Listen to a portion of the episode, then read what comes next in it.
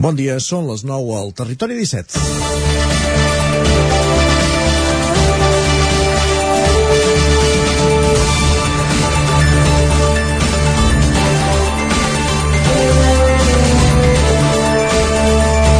El darrer informe publicat per la Fundació Bofill sobre segregació escolar posa de relleu que la majoria de municipis de més de 10.000 habitants del Vallès Oriental té centres escolars de primària i secundària segregats, és a dir, que la composició social del seu alumnat no es correspon amb la de l'entorn on es troben.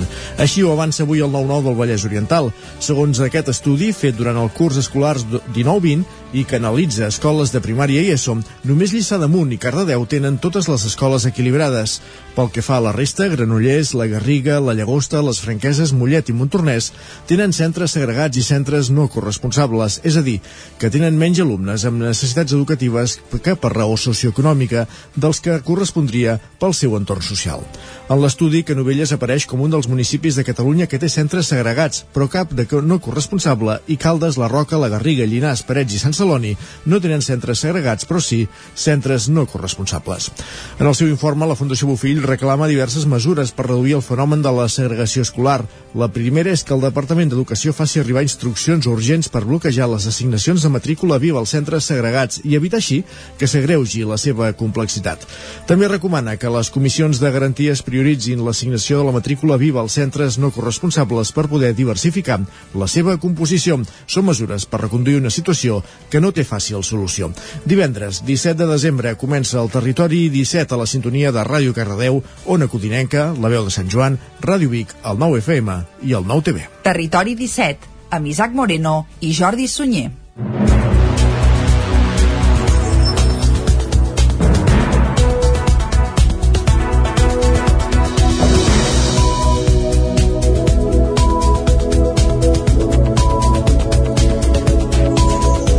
Com dèiem, divendres 17 de desembre de 2021, a les portes de Nadal, falta una setmana pràcticament, comença un nou territori 17. Avui, com cada dia, començarem repassant les notícies més destacades de les nostres comarques, Osona, el Moianès, el Vallès Oriental i el Ripollès, Acte seguit repassarem també la previsió meteorològica, les portades del dia i acabarem aquesta primera hora amb música, com sempre. A la segona part, després de la informació de l'actualitat i la informació meteorològica, parlarem amb Ramon Ferrer, el cap de programació de l'Atlàntida de Vic, sobre la programació del primer semestre del 2022 que s'ha presentat aquesta setmana a l'equipament cultural usonenc Bigatà.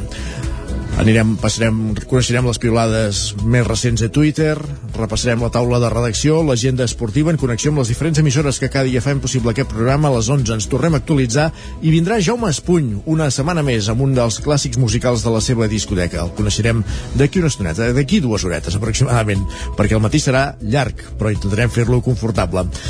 Passarem també per l'R3, com cada dia, amb l'Isaac Muntades, i a la Foc Lent, avui, coincidint amb la Fira de l'Autòfona de Centelles, que es fa aquest cap de setmana, anirem a un restaurant d'aquesta població usonenca on l'autòfona hi és sempre molt present. Parlarem amb Nico Roger, responsable del restaurant Via, que ens portarà una recepta amb tòfona. I acabarem, com sempre, els divendres al programa, fent un repàs a l'agenda d'actes del cap de setmana a les nostres comarques. I sense més dilacions, és moment de posar-nos al dia. Roger Aguayo va declarar ahir a l'Audiència de Barcelona. El veí de Callatenes va negar haver agredit dos agents dels Mossos d'Esquadra en el tall de la C-17 i la C-25 a Gurb el 21 de febrer de 2019 durant les protestes per l'inici del judici del procés. Clàudia Dinarès. Roger Aguayo era rebut amb aplaudiments a l'exterior de l'Audiència Provincial de Barcelona després de la segona jornada del judici contra ell. El veí de Callatenes, a qui la defensa privada de dos agents dels Mossos d'Esquadra li demana fins a 4 anys de presó pels delictes d'atemptat contra l'autoritat desordres públics i lesions lleus en el tall de carretera de Gurb. El 21 de febrer de 2019 va negar els fets quan va declarar ahir davant del jutge. Va dir que no va agredir cap agent dels Mossos i que tampoc es va canviar de roba abans de ser detingut. Sentim la declaració de Roger Aguayo. ¿Lanzó usted alguna patada en la zona genital o en la mano a otro agente? No, ¿Se cambió usted de cazadora? no, ¿Recuerda usted una segunda intervención, es decir, un avance por parte de agentes de los Mossos Cuadra hacia ustedes, en el que usted aprovechó para lanzar una patada en la mano de otro agente? no. I aquell dia no vaig fer res, em van agafar aleatòriament i... Jo demanava explicacions de per què estava allà. perquè no havia fet res. Jo no vaig demanar perdó a ningú ni ho faré. Abans havien declarat dos agents de l'àrea regional dels recursos operatius dels Mossos d'Esquadra, l'encarregat de l'informe mèdic dels dos agents lesionats i vuit persones que van ser al tall de l'eix transversal i la C-17 al dia dels fets. Tots els testimonis que van declarar a favor de Roger Aguayo sostenen que la concentració va ser pacífica i que cap manifestant tenia una conducta agressiva. Sentim per aquest ordre a l'eix Andreu i a Xavier Sardà. Era una manifestació bàsicament familiar molta canalla d'això de 11, 12, 15, 16 anys, que anaven amb els seus pares, jo anava amb la meva dona, anava amb els meus dos fills petits, i molta gent com nosaltres que ens vam trobar allà. Primer vam començar arrencant les pancartes que portaven els manifestants i llavors vaig veure ventes amb els, amb els escuts i vaig veure cops de porra, sí. Avui divendres serà el tercer i últim dia del judici. S'hi visualitzaran vídeos de la concentració i s'escoltaran àudios de diferents moments de la protesta. Aguayo va descartant l'inici del judici acceptar la rebaixa de pena que li oferia la defensa privada de Mossos. Li demanen 4 anys de presó i 10.000 euros en multes i indemnitzacions. La Fiscalia demana una pena d'un any de presó i indemnitzacions per valor de 3.000 euros. Més qüestions. En llibertat un dels tres policies de Llinars del Vallès que van entrar a presó en l'operació contra el narcotràfic. Núria Lázaro, des de Ràdio Televisió de Cardedeu. L'Audiència de Barcelona l'ha deixat en llibertat per falta d'indicis. Es tracta de Ricardo Canto, germà de Titan, el caporal investigat com a cap de la trama. El policia va sortir dimecres de la presó de Quatre Camins, on encara hi ha els altres dos policies. Ara s'haurà de personar als jutjats cada 15 dies si se li ha retirat el passaport i per tant no pot sortir del país. El jutge considera a les proves que hi ha un problema d'identificació en anunciar hipòtesis delictives. Al domicili de Ricardo Cantos van trobar 1.840 euros en efectiu, el que el jutge considera inexpressiva per si sola respecte de la seva possible participació als delictes que s'investiguen. Aquesta informació arriba en uns dies que la població de Llinars està en incertesa ja que des de dimarts al matí hi ha un vehicle de Mossos d'Esquadra a les 24 hores del dia a pocs metres de la vivenda propietat del caporal Titan on va ser detingut i van trobar-hi una de les plantacions de marihuana. Les obres a la C-59 entre Sant Feliu de Codines i Mollà començaran l'estiu de 2022, que era el campàs des d'Ona Codinenca.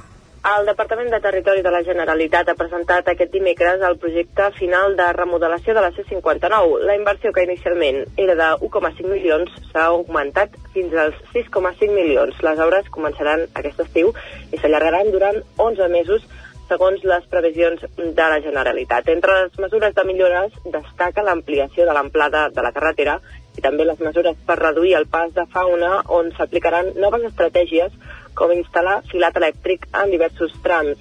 També s'instal·laran mesures per reduir la perillositat en els punts negres d'aquest tram de la C-59. A més, el secretari Isidre Gavín va anunciar que el Departament de Territori ja ha encarregat el projecte per millorar un altre tram de la C-59, el que va de Mollà fins a la Unió amb l'eix transversal. El que queda pendent és posar fil a l'agulla a la variant de Sant Feliu de Codines. El departament xifra aquesta inversió en 30 milions d'euros i tot i està l'agenda de govern no preveuen encara data per poder engegar el projecte. Un accident amb set vehicles implicats a l'eix del Lluçanès va obligar ahir al matí a tallar la C7, eh, la C62 en els dos sentits de la marxa durant pràcticament 3 hores. Trànsit va rebre l'alerta quan faltava un minut per les 9 del matí. L'accident que va tenir lloc al punt quilomètric 4 de la C62 entre l'eix transversal i l'accés a Olost es va produir per un encalç entre els set vehicles implicats. Segons Trànsit, la col·lisió va provocar ferides en tres persones que van ser traslladades a l'Hospital Universitari de Vic amb diagnòstic mèdic de ferides lleus. Fins al lloc dels fets s'hi van desplaçar tres ambulàncies dels serveis d'emergències mèdiques, tres dotacions de bombers i diverses dotacions de Mossos d'Esquadra. La C-62 va quedar reoberta del tot al migdia a partir de dos quarts d'onze, tal com vam explicar en directe aquí a Territori 17, s'havia començat a donar pas alternatiu als vehicles. Centelles acollirà aquest cap de setmana la 14a edició de la Fira de la Tòfona. La proposta que es farà entre el Palau dels Comtes i la plaça Major arriba amb l'objectiu de dinamitzar el comerç del poble. Centelles es prepara per acollir aquest cap de setmana la 14a edició de la Fira de la Tòfona. Després d'un any marcat per la pandèmia, la proposta es desplegarà de nou al nucli antic amb dos objectius. Dinamitzar el comerç local, coincidint amb les festes nadalenques, i exercir la capitalitat de Centelles com a municipi referent dins del sector de la tòfona. Josep Paré és l'alcalde de Centelles. Un dels objectius més importants de la Fira és aquest vincle econòmic i comercial de dinamització de, de Centelles L'altre aspecte doncs, que també és important és tot el tema de la, de la cuina i en definitiva reivindicar que Centelles té un vincle molt important amb la tòfona, és un dels llocs que està demostrat que la tòfona surt de més qualitat en el propi territori i per tant doncs, exercir o voler exercir la capitalitat d'aquest producte en el país doncs, és posar en valor aquest passat històric i evidentment això es pot fer perquè tenim el producte que neix bo en el, en el municipi però també perquè tots els serveis i comerços que col·laboren doncs, fan que la fira tingui aquests complements molt importants al llarg d'aquesta fira. L'espai firal, ubicat als horts del Palau dels Comtes, comptarà amb una vintena de parades, totes amb productes relacionats amb el diamant negre de la cuina. A la plaça Major, entre dissabte i diumenge, s'hi realitzaran tallers, degustacions i la tercera edició del concurs de cuina amb tòfona amb alumnes de set escoles d'hostaleria de Catalunya. Ho explica Josep Parisa, regidor de Comerç i Fires de l'Ajuntament de Centelles. I llavors vam fer una comunicació a totes les escoles d'hostaleria que nosaltres coneixem i que són més o menys properes des de, des de Cambrils fins a no sé on no els recordo totes però bueno perquè presentessin alumnes per poder anar per poder, per poder fer el concurs i bueno, ja hem tingut acceptació com és habitual, dissabte a les 12 del migdia es farà el concurs de gossos tofonaires als jardins de la Casa Pujol. Durant tot el cap de setmana, una dotzena de restaurants del municipi oferiran plats i menús basats en la tòfona. I un d'aquests restaurants, un alumne avançat en la cuina de la tòfona, com és Nico Roger, serà avui al Territori 17, a la Foc Lent, a partir de dos quarts de 12. Més fires, més qüestions. A les portes de Nadal arriba també la tercera edició del Toca Fusta, la Fira del Joc i la Joguina de Fusta, que es farà aquest dissabte i diumenge a Torelló. La fira, aquest any d'accés lliure i sense necessitat d'inscripcions prèvies es completa amb tallers, ludoteca, exposicions i espectacles itinerants. Aquest cap de setmana torna a Torelló el Toca Fusta, la fira del joc i la joguina de fusta. Tant dissabte com diumenge el centre de la vila acollirà tot tipus de tallers, ludoteca, espectacles itinerants, jocs i una fira de joguines de fusta que s'ubicarà a la plaça Nova amb 10 expositors, una xifra que confirma la bona acollida que té una fira que enguany arriba a la tercera edició, ho explica el regidor de Cultura i Joventut de Torelló, Xavi Lozano de les 5 del primer any ja estem duplicant el, el nombre i per tant això vol dir que també entre els, els paradistes, entre els productors de joguines de fusta, els venedors, doncs eh, també comencen a tenir aquesta fira com un element de referència, cosa que ens, que, en, que ens agrada que es vagi consolidant, no? Durant la presentació de la fira que es va fer al Museu de la Torneria, des de l'Ajuntament van deixar clara l'aposta pel tocafusta i van remarcar que tenen la voluntat de potenciar-la encara més per aconseguir que es converteixi en un referent. Marçal Ortuño és l'alcalde de Torelló. És una, una proposta que, que és jove encara, és la tercera edició i l'any passat a més a més molt, molt limitada, però que, que ha de poder créixer i créixer en tots els sentits, eh? amb, amb visitants, però també eh, a l'hora d'anar trebant aquest, aquesta personalitat que, que té la fèria lligada doncs, a, a això, a l'identitat de, de Torelló i, i, i el fet aquest doncs, de la reivindicació de la joguina sostenible i, i que tot això eh, quedi ben trebat amb, un, amb una imatge que, que, que faci que aquesta fira sigui un referent més de les manifestacions que tenim a Torelló. A part de la mostra de joguines, el Toca Fusta arriba amb altres activitats com espectacles itinerants o un taller de construcció de joguines de fusta a la plaça Nova. També hi haurà ludoteca, demostracions de torneria i a la plaça Verdaguer s'hi podran veure els resultats de la segona edició del taller Recrea, un projecte formatiu que té l'objectiu de dissenyar, construir i exhibir instal·lacions d'arts de carrer. El Toca Fusta obrirà portes dissabte a dos quarts d'onze del matí i comptarà amb activitats fins diumenge a les 7 del vespre. El Pep Ametlla exposa punts d'anatomia, una obra centrada en el cos humà l'espai art de l'abadia de Sant Joan de les Abadesses. Isaac Muntades, des de la veu de Sant Joan. Fins al pròxim 6 de març, l'espai art l'abadia de Sant Joan de les Abadeses acollirà l'exposició a punts d'anatomia de l'artista gironí Pep Ametlla, que compta amb la col·laboració del Museu d'Història de la Medicina de Catalunya. Ametlla, que té estudis d'Història de l'Art i un màster en Disseny Industrial i en Arquitectura, Art i Espai Efímer, explora els ponts entre l'art i la medicina, que té com a punt d'inflexió els esbossos que Leonardo da Vinci va fer, entre d'altres, per poder treballar millor els volums del cos humà i posteriorment la il·lustració mèdica i meticulosa de l'artista belga Andreas Bessal durant els segles XV i XVI. A punts d'anatomia, en Metlla recull dibuixos i escultures pròpies. Hi ha peces del 2005 i 2009, però també n'hi ha quatre de fetes aquest mateix any. Les peces s'acompanyen de motlles cedits pel Museu d'Història de la Medicina de Catalunya, que varen ser creats a la segona meitat del segle XIX. La majoria són guixos policromats que representen els músculs, els nervis de braços i mans, els intestins, les venes i artèries del coll, el cervell o fins i tot una escultura que serveix per explicar els processos mecànics d'una part i també hi ha dibuixos i pintures dels estudiants de la Facultat de Medicina de Girona. Ametlla somralla la importància de Bessal per entendre l'evolució de l'estudi de l'anatomia al llarg de la història. En aquella època la manera de representar s'utilitzava, diguéssim, que eren les tècniques artístiques. No tenien fotografia, no tenien vídeo, evidentment, estem parlant del 1600 i alguna i aquest, diguem-ne, que va ser el primer metge que va voler contraposar les lleis galèniques de Galè, del, del metge romà, que venia de les, dels coneixements antics grecs, en el qual s'investigava la dissecció a partir d'animals propers, diguéssim, el porc, el gos, etc. no? o que podien tenir unes semblances internes similars. No? Bessal va fer la primera dissecció pública amb els estudiants de Medicina de la Universitat de Pàdua i amb el llibre La mà i el cadàver va fer la comparativa davant de tothom per demostrar que allò que deia Galè no es corresponia amb la realitat del cos. Bessal va impulsar la publicació de set llibres sobre anatomia humana titulats De Humani Corporis Fabrica, amb l'ajuda de diversos dibuixants procedents del taller de l'artista venecià Tiziano. L'obra d'Atmetlla té una visió més contemporània del cos humà, que es contraposa a la tradicional i aplicada per la pedagogia de l'època. També hi ha dibuixos on s'hi copsa una certa ironia. Gràcies, Isaac. I un últim apunt cultural abans del temps, perquè demà dissabte, com ja saben, torna Lluís Llach. Ho fa amb un concert al Palau Sant Jordi de Barcelona que ha de servir per visibilitzar la tasca del debat constituent. El cantautor de Verges actuarà acompanyat, entre d'altres, de les veus usonenques de Ju, Gemma Humet o els Catarres. Aquest dissabte Lluís Llach tornarà als escenaris amb un concert al Palau Sant Jordi de Barcelona que ha de servir per recaptar fons i difondre la feina del debat constituent. A banda de Llach, que no feia un concert sencer des que es va retirar l'any 2007 a l'escenari del Sant Jordi, també hi apareixeran Joan Dausà, Su, Nacho Tarrés de Gossos, Joan Reig dels Pets, Montse Castellà, el Maglari o Marta Carràs, com un espectacle amb direcció musical de Carles Casas i direcció escènica de Lluís Danés. Pel que fa a veus usonenques, també cantaran amb Lluís Llach els tres músics dels Catarres que interpretaran Abril 74. A més, les usonenques Gemma Homet i Ju cantaran conjuntament Corrandes d'Exili i El cant de l'Enyor, fent el paper que Maria del Mar Bonet i Marina Rossell van fer en aquell històric concert de Llach al Camp Nou l'any 1985. Per assistir al concert s'han organitzat autocars amb sortida des de diferents punts de Catalunya, entre ells Vic.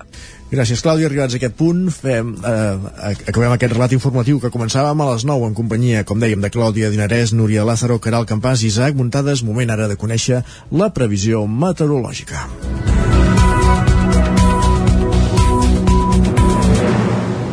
Una previsió que un dia més ens acosta en Pep Acosta.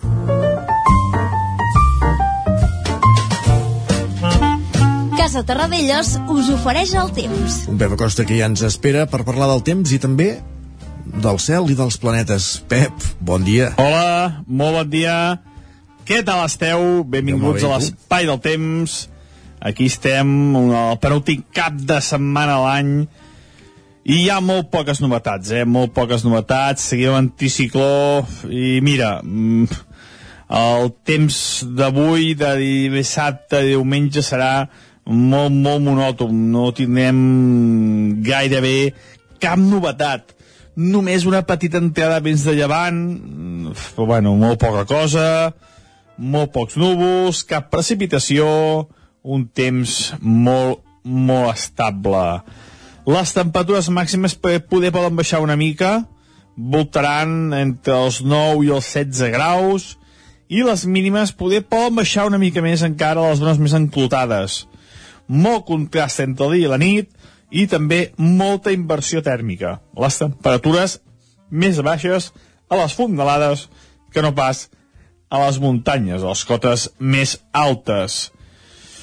Una mica de boira, a la nit, però en el dia no no n'hi haurà, mm, eh, i mm, és, és que ja allà que no sé ni què dir quasi bé, Mare i molt poca, molt poca cosa més. Aquest anticicló és molt ferm, és molt potent i n'hi ha per dies, n'hi ha per dies. Uh, la setmana que ve hi ha mapes que diuen que pot canviar Ja hi ha mapes que diuen que no Uh, per destacar, uh, diria que aquests dies uh, hi haurà lluna plena aviat, algun, mm, una bé. cosa de l'espai, lluna plena aviat, que es- està preciosa, per ser la lluna preciosa, es veurà preciosa. Uh, també es pot veure clarament uh, Venus, Júpiter i Saturn, uh, Cap on- cap on de mirar? cap, a, cap al sud, cap al sud, cap al sud-oest, cap al sud-oest es poden veure aquests planetes, sobretot eh, a primeres hores de la nit, després ja la rotació terrestre no, no, no es deixa veure pràcticament, i també ens passa un cometa aquests dies, ens passa un alerta. cometa que no es pot veure a simple vista i es pot veure a prop de la Ossa Major. A prop de l'Ossa Major es pot veure aquest cometa que s'ha de fer servir un telescopi ja i és, és més complicat de veure i a, a ull nu no, no, no es veurà. Això era per destacar una cosa que cap de setmana, que meteorològicament parlant, ja dic, no hi ha gran cosa a destacar, serà molt anticiclònic i molt tranquil. I això és tot. A disfrutar del cap de setmana, a disfrutar de totes les activitats previstes i aviat Nadal i aviat Cap d'Any vull dir que, que ja el tenim aquí aquí de cantonada i el 2022 esperem que comenci més moviment meteorològic i que hi hagi més canvis de temps i que plogui molt més l'any 2022 que aquest any ha sigut molt molt sec moltes gràcies i molt bon cap de setmana Gràcies, Adeu. Pep. Veig que en Pep ja va fent la carta als Reis, vol que plogui més el 2022. Nosaltres continuem. Casa Tarradellas us ha ofert aquest espai. Territori 17. Envia'ns les teves notes de veu per WhatsApp al 646 079 023. 646 079 023. WhatsApp Territori 17.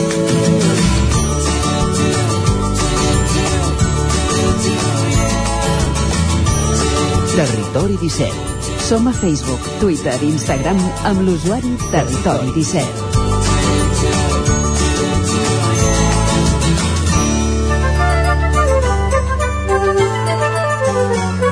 I ara és moment d'anar a conèixer què diuen els diaris avui. Anem a repassar les portades dels diaris que podem trobar al quiosc, Clàudia.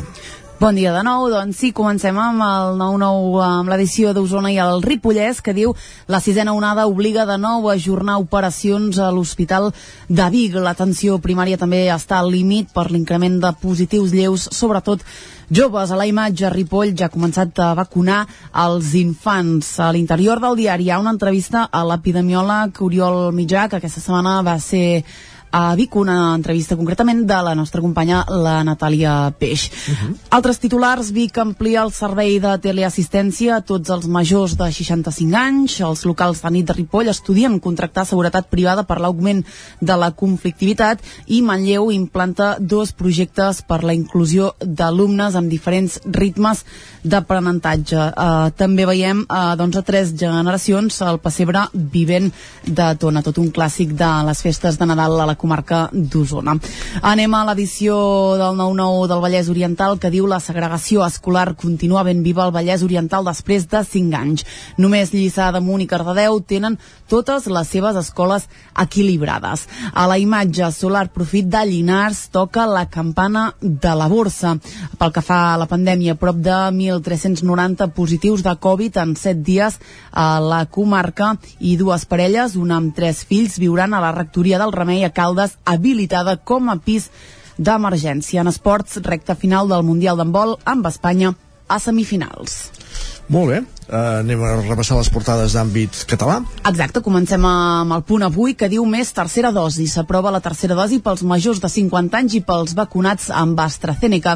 La vacuna de reforç de la Covid-19 s'ampliarà tot seguit pels majors de 40 anys. A la imatge ofensiva legislativa per la immersió. Aragonès anuncia més inspeccions i dos docents a les aules afectades pel 25%. Un titular que anirem veient a les portades d'aquest divendres. Uh, canviem de tema, Subirats relleva Castells al govern espanyol, és un altre dels titulars d'aquest divendres, i acord definitiu per l'aprovació del pressupost del 2022.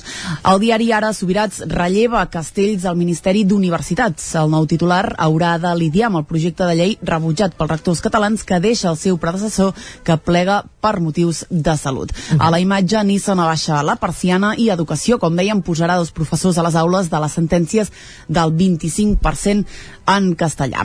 Anem al periòdico que parla de les conseqüències de l'expansió de la sisena onada. Diu la mortalitat per Covid baixa malgrat el triple de contagis.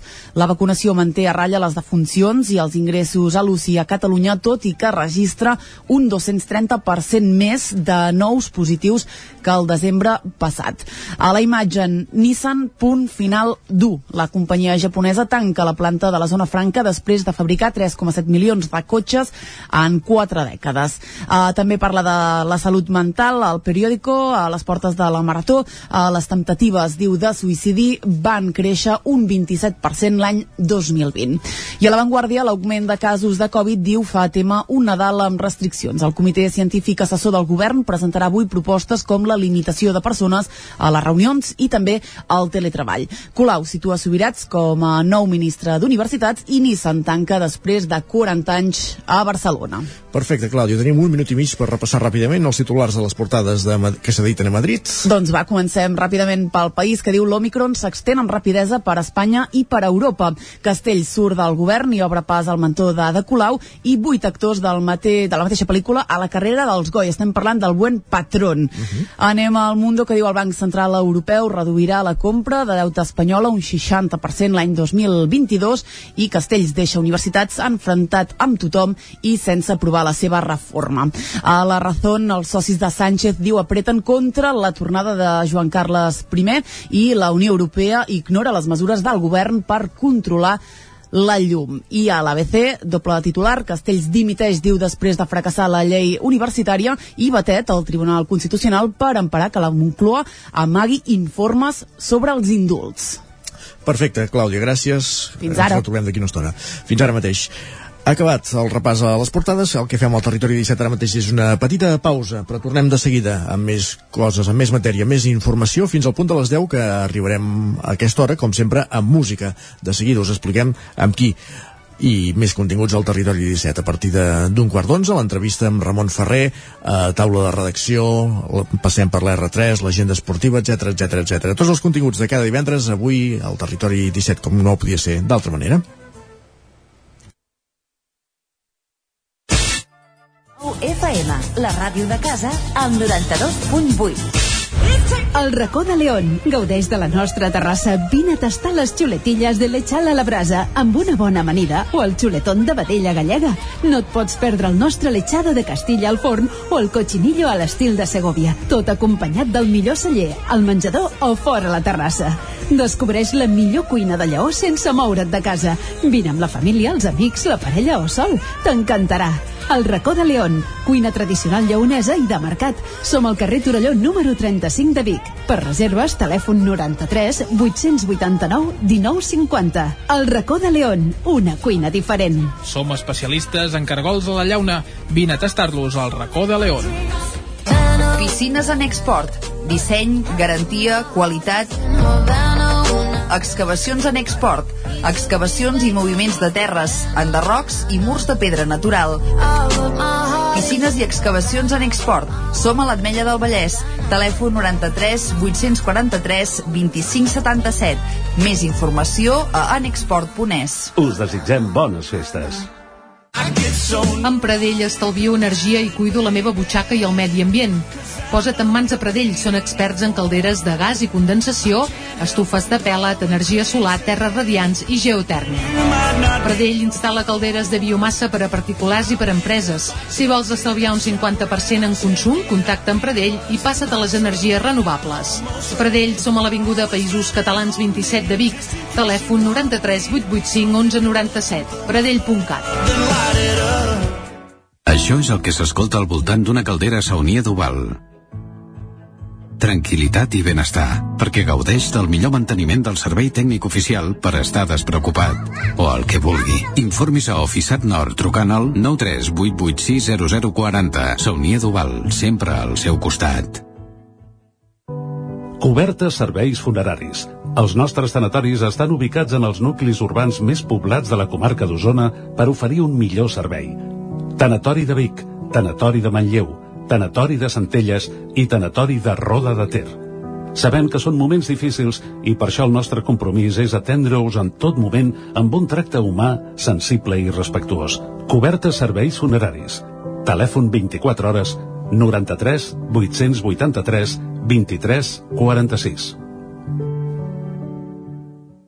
Anuncia't al 9FM. La màquina de casa. 9 3 8 8 9 4 9 4 9. Publicitat arroba al 9FM.cat. Anuncia't al 9FM. La publicitat més eficaç. El 9FM, el 9FM, el 9FM, el 9FM. En punt, ara mateix, dos quarts de deu. Territori 17, amb Isaac Moreno i Jordi Sunyer.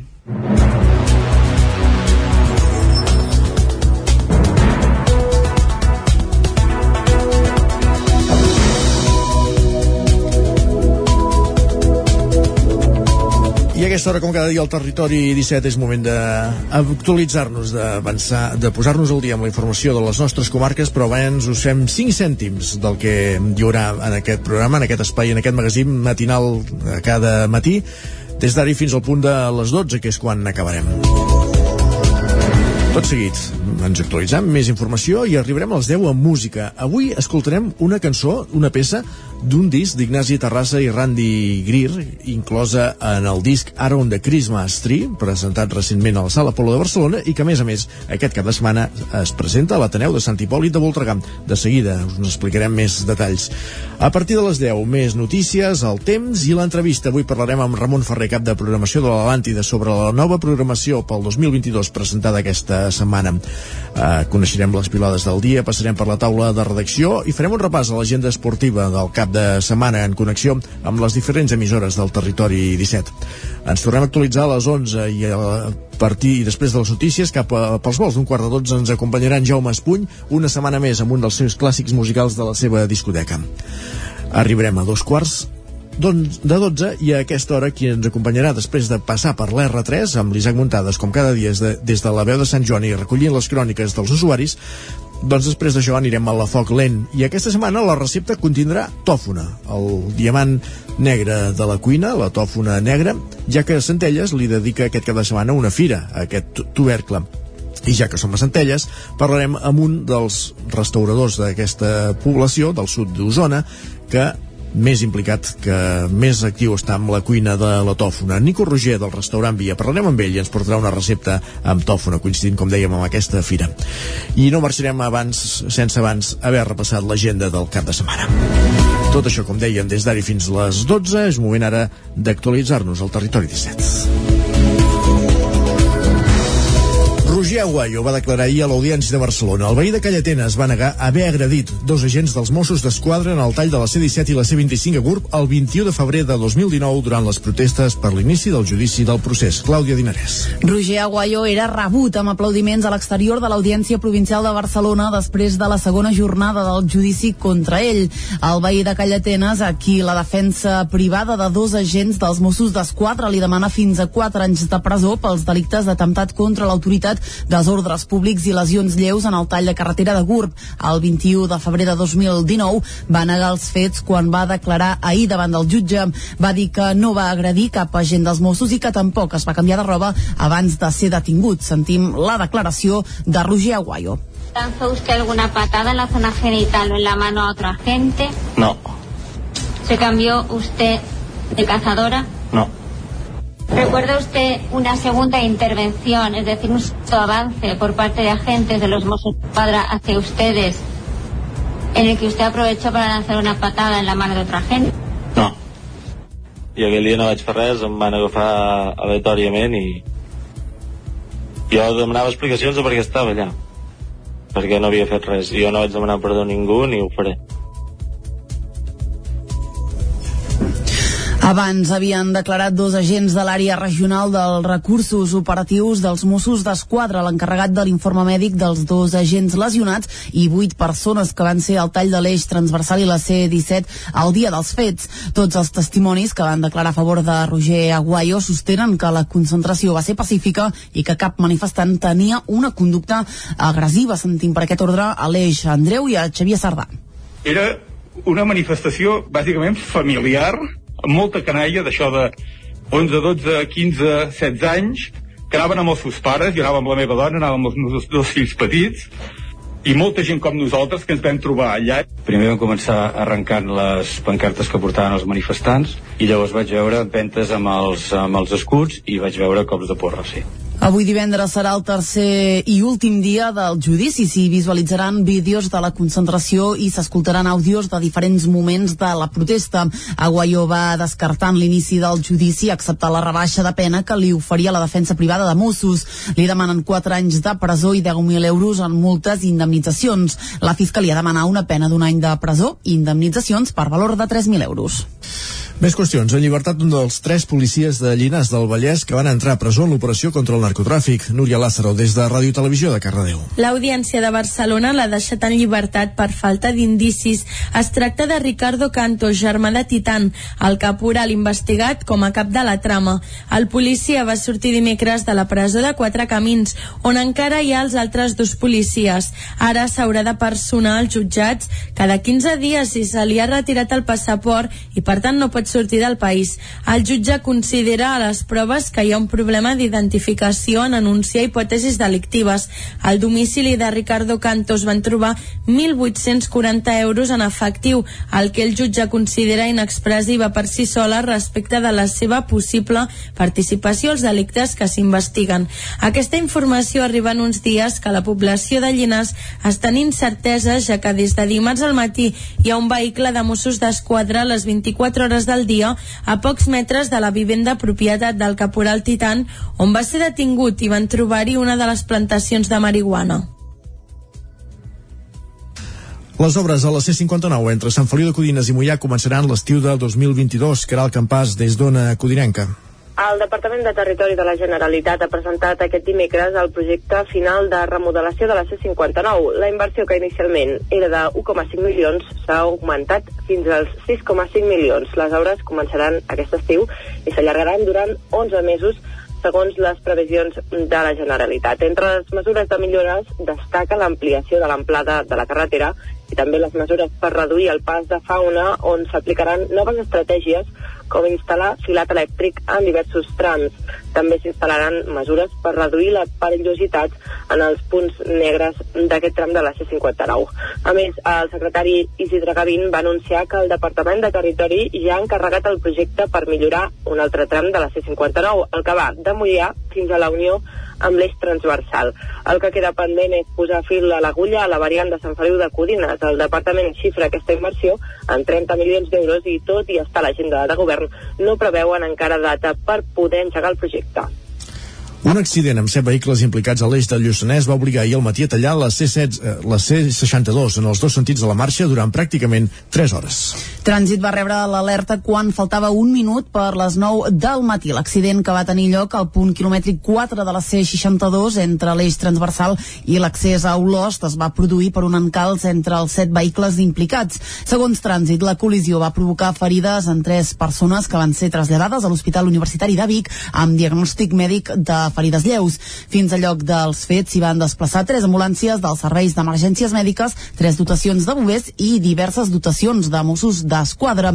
La C62 va quedar reoberta del tot al migdia a partir de dos quarts d'onze, tal com vam explicar en directe aquí a Territori 17, s'havia començat a donar pas alternatiu als vehicles. Centelles acollirà aquest cap de setmana la 14a edició de la Fira de la Tòfona. La proposta que es farà entre el Palau dels Comtes i la plaça Major arriba amb l'objectiu de dinamitzar el comerç del poble. Centelles es prepara per acollir aquest cap de setmana la 14a edició de la Fira de la Tòfona. Després d'un any marcat per la pandèmia, la proposta es desplegarà de nou al nucli antic amb dos objectius. Dinamitzar el comerç local, coincidint amb les festes nadalenques, i exercir la capitalitat de Centelles com a municipi referent dins del sector de la Tòfona. Josep Paré és l'alcalde de Centelles. Un dels objectius més importants de la Fira és aquest vincle econòmic i comercial de dinamització de, de Centelles.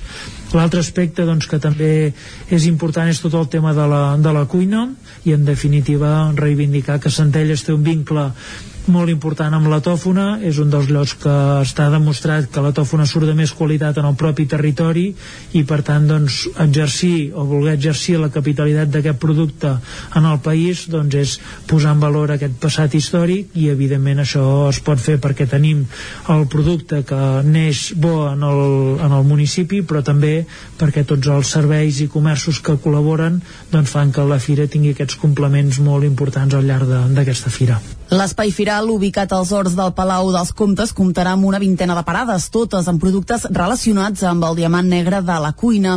A la plaça Major, entre dissabte i diumenge, s'hi realitzaran tallers, degustacions i la tercera edició del concurs de cuina amb tòfona amb alumnes de set escoles d'hostaleria de Catalunya. Ho explica Josep Parisa, regidor de Comerç i Fires de l'Ajuntament de Centelles. I llavors vam fer una comunicació a totes les escoles d'hostaleria que nosaltres coneixem i que són més o menys properes des de, des de Cambrils fins a no sé on no els recordo totes però bueno perquè presentessin, presentessin alumnes per poder anar per poder, per poder fer el concurs i bueno, ja hem tingut acceptació com és habitual, dissabte a les 12 del migdia es farà el concurs de gossos tofonaires als jardins de la Casa Pujol.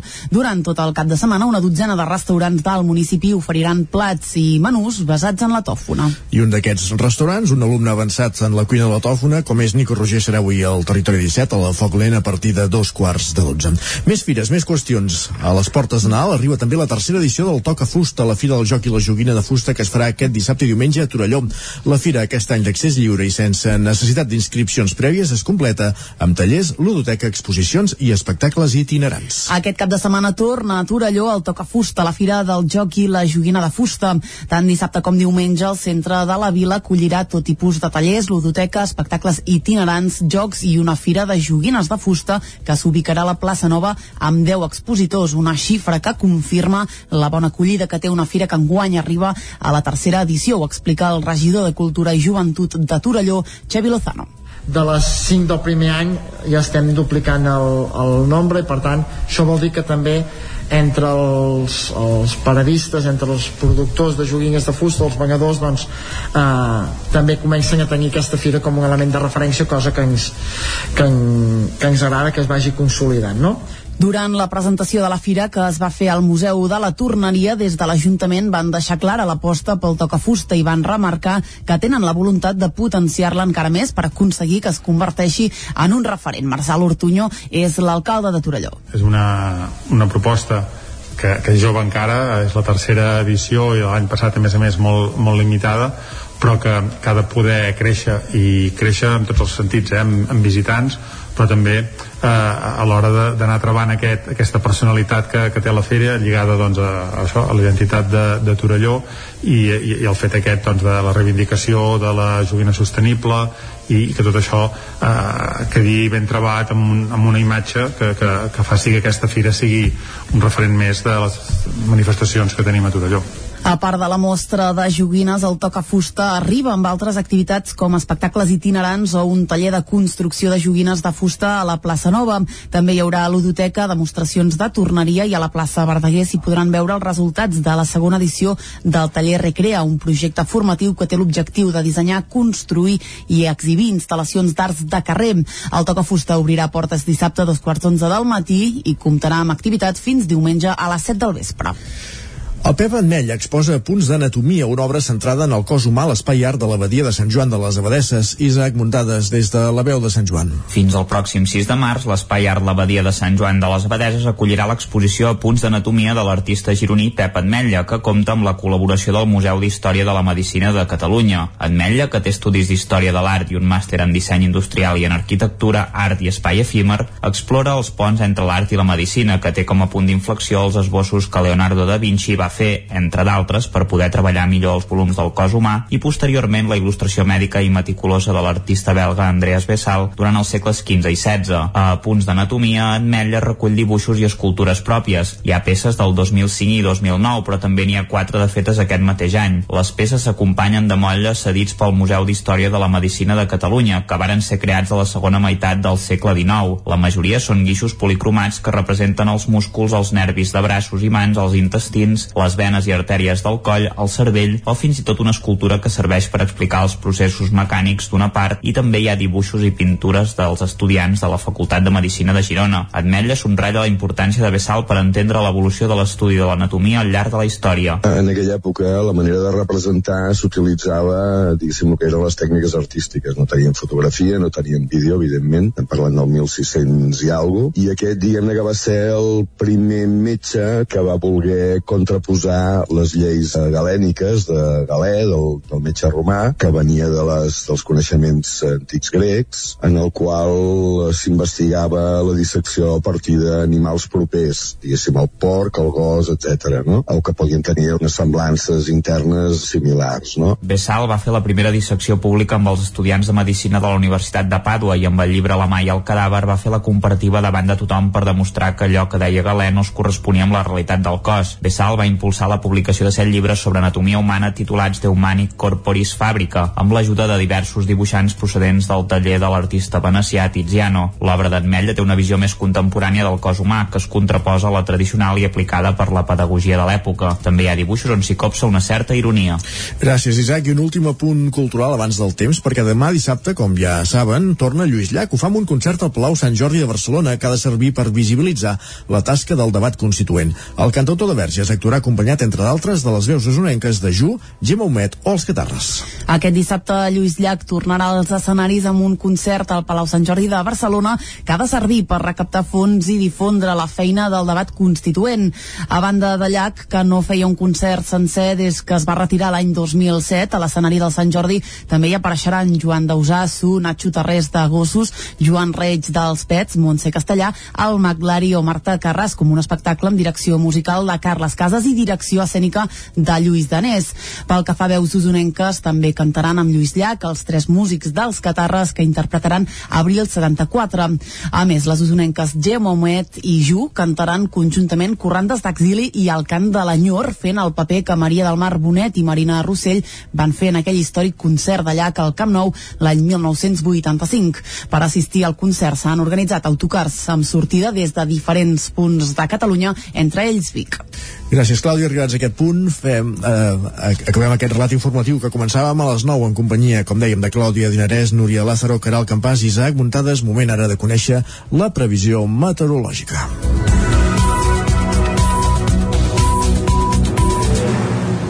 Una previsió que un dia més ens acosta en Pep Acosta.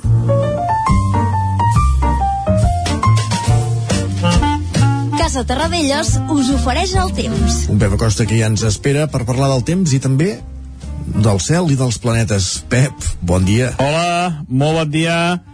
Què tal esteu? Benvinguts a l'Espai del Temps. Aquí estem, el penúltim cap de setmana a l'any. I hi ha molt poques novetats, eh? Molt poques novetats. Seguim anticicló i mira, mm, el temps d'avui, de dissabte, diumenge, serà molt, molt monòton. No tindrem gairebé cap novetat. Només una petita entrada vents de llevant, mm, però bueno, molt poca cosa, molt pocs núvols, cap precipitació, un temps molt, molt estable. Les temperatures màximes poder poden baixar una mica, voltaran entre els 9 i els 16 graus, i les mínimes poder poden baixar una mica més encara a les zones més enclotades. Molt contrast entre el dia i la nit, i també molta inversió tèrmica. Les temperatures més baixes a les fondalades que no pas a les muntanyes, a les cotes més altes.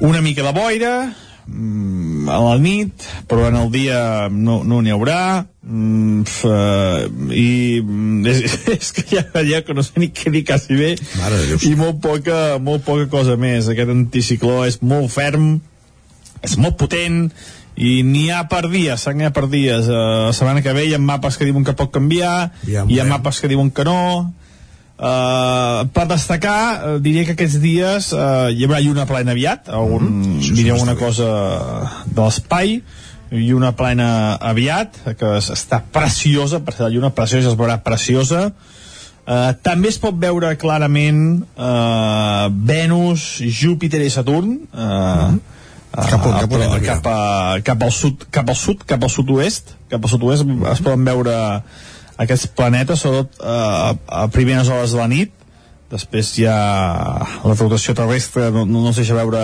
pràcticament, i també ens passa un cometa aquests dies, ens Sí, passa un alerta. cometa que no es pot veure a simple vista i es pot veure a prop de la Ossa Major. A prop de l'Ossa Major es pot veure aquest cometa que s'ha de fer servir un telescopi ja i és, és més complicat de veure i mm, a, a ull nu no, no, no es veurà. Això era per destacar una cosa que cap de setmana, que meteorològicament parlant, ja dic, no hi ha gran cosa a destacar, serà molt anticiclònic i molt tranquil. I això és tot. Molt a disfrutar del cap de setmana, a disfrutar de totes les activitats previstes i aviat Nadal i aviat Cap d'Any vull dir que, que ja el tenim aquí aquí de cantonada i el 2022 esperem que comenci més moviment meteorològic i que hi hagi més canvis de temps i que plogui molt més l'any 2022 que aquest any ha sigut molt molt sec moltes gràcies i molt bon cap de setmana Gràcies, Adéu. Pep. Veig que en Pep ja va fent la carta als Reis, vol que plogui més el 2022. Nosaltres continuem. Casa Tarradellas us ha ofert aquest espai. Territori 17. Envia'ns les teves notes de veu per WhatsApp al 646 079 023. 646 079 023. WhatsApp Territori 17.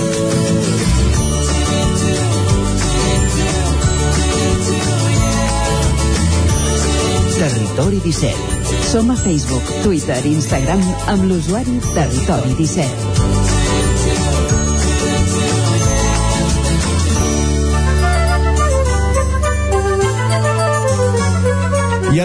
D'anar a conèixer què diuen els diaris avui. Anem a repassar les portades dels diaris que podem trobar al quiosc, Clàudia.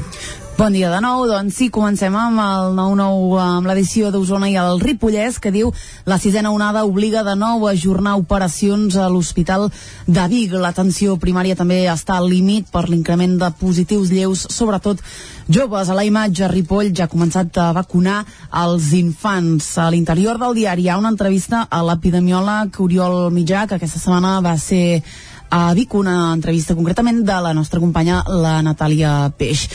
Altres titulars, Vic amplia el servei de teleassistència a tots els majors de 65 anys. Els locals de nit de Ripoll estudien contractar seguretat privada per l'augment de la conflictivitat i Manlleu implanta dos projectes per la inclusió d'alumnes amb diferents ritmes d'aprenentatge. Uh, també veiem uh, doncs, a tres generacions el pessebre vivent de Tona, tot un clàssic de les festes de Nadal a la comarca d'Osona.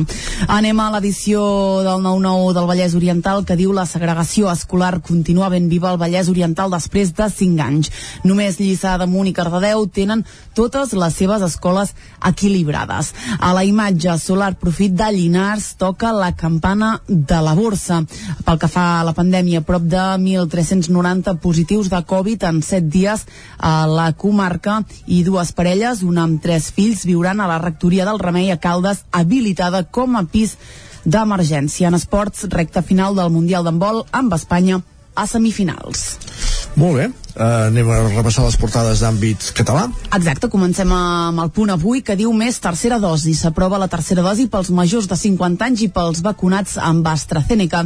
La vacuna de reforç de la Covid-19 s'ampliarà tot seguit pels majors de 40 anys. A la imatge ofensiva legislativa per la immersió. Aragonès anuncia més inspeccions i dos docents a les aules afectades pel 25%. Un titular que anirem veient a les portades d'aquest divendres.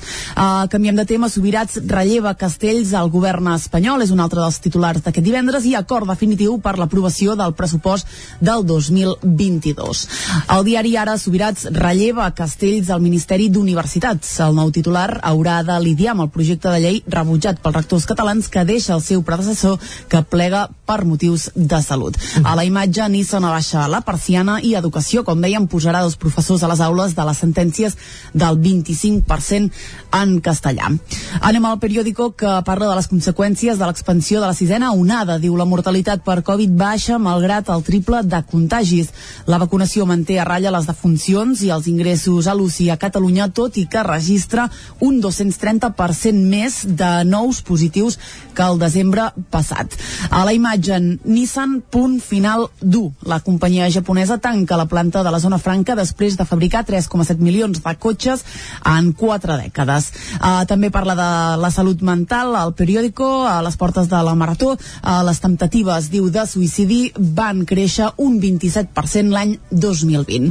I a l'avantguàrdia, l'augment de casos de Covid, diu, fa tema un Nadal amb restriccions. El Comitè Científic Assessor del Govern presentarà avui propostes com la limitació de persones a les reunions i també al teletreball. Colau situa Subirats com a nou ministre d'Universitats i Nissan tanca després de 40 anys a Barcelona.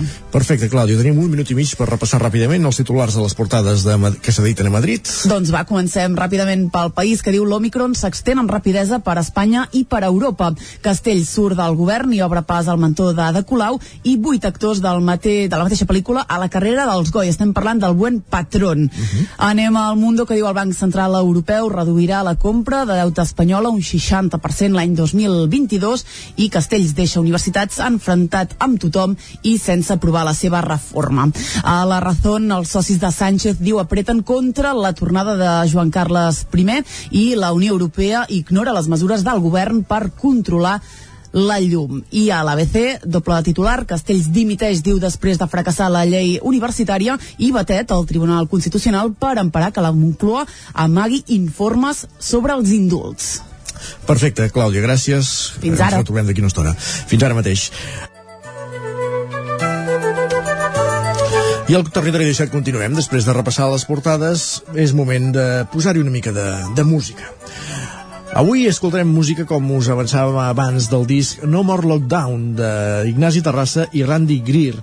Un, la cançó es diu així, No More Lockdown del disc Around the Christmas Tree, un disc que es presenta aquest cap de setmana a Sant Hipòlit de Voltregà en el marc de la programació dels Teatrets d'Osona, un concert que es podrà veure diumenge a partir de les 6 de la tarda a l'Ateneu de, de Sant Hipòlit.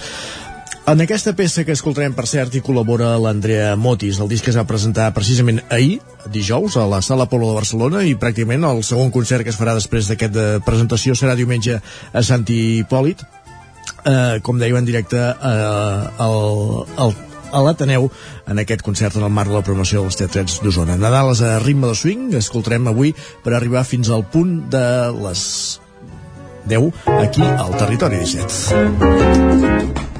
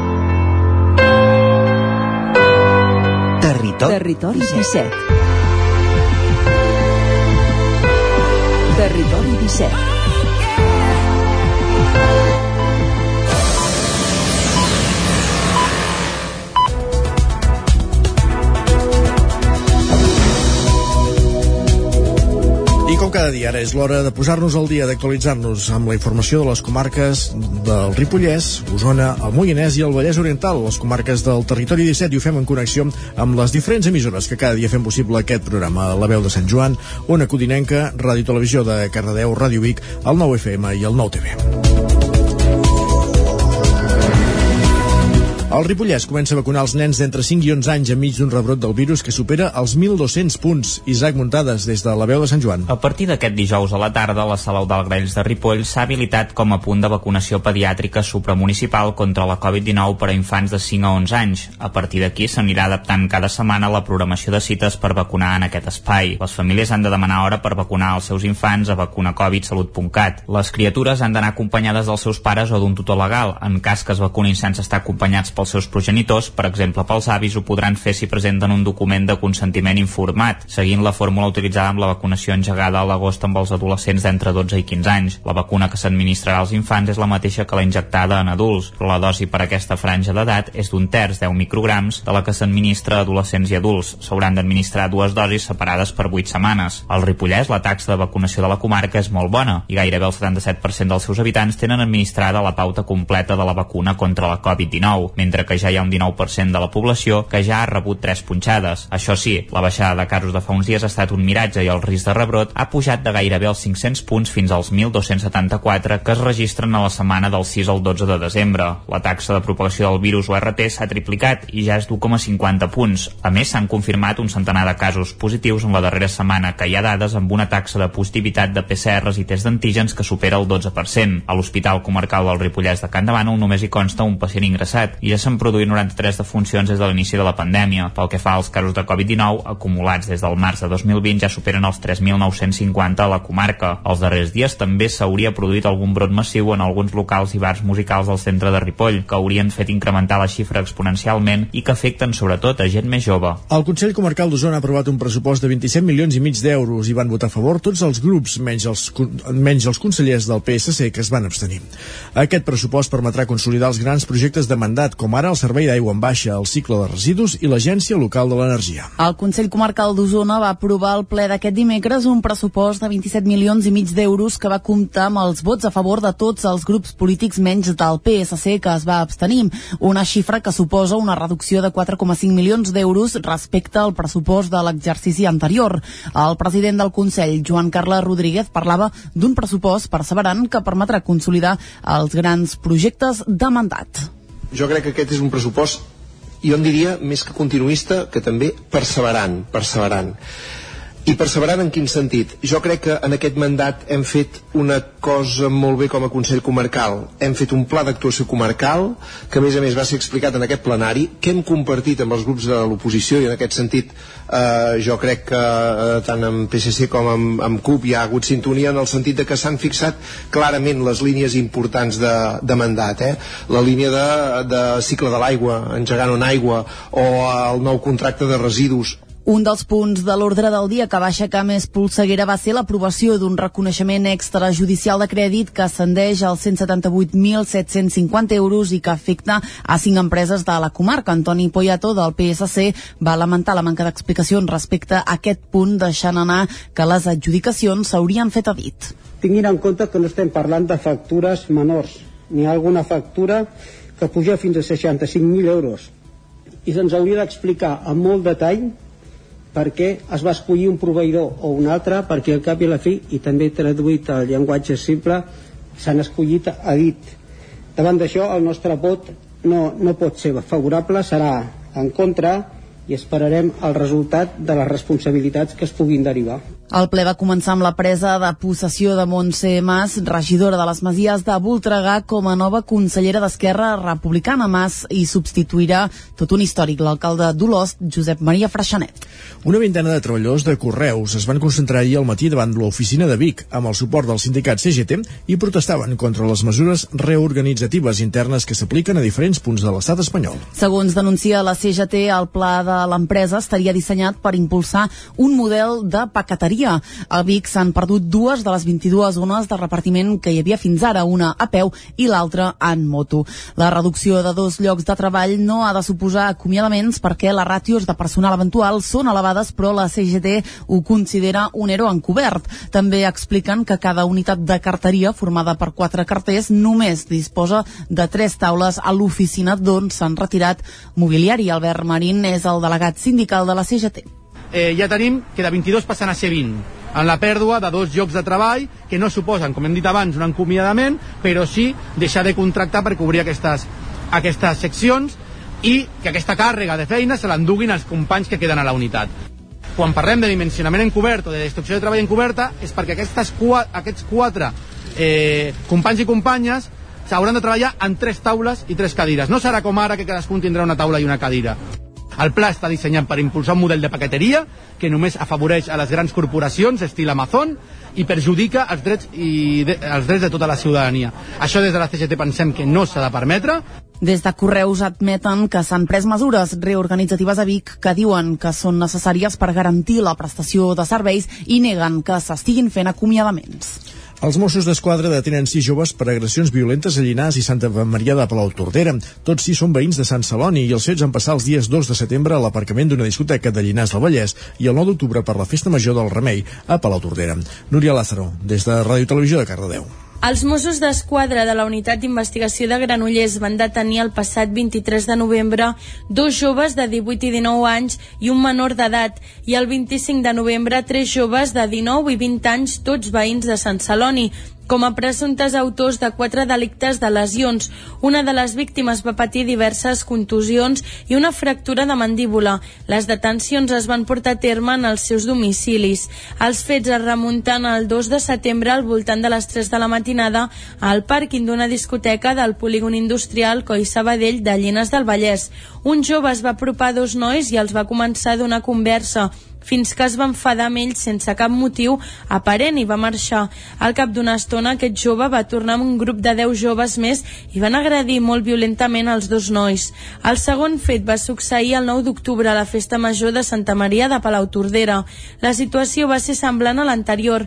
Cap a les 3 de la matinada un jove es va apropar dos nois buscant baralla, un cop el van fer fora aquest va tornar a aparèixer amb un grup de 10 nois i els van agredir violentament. Aquest cop van fer servir un puny americà i van deixar inconscient a una de les víctimes que va ser ingressada per fortes contusions al cap.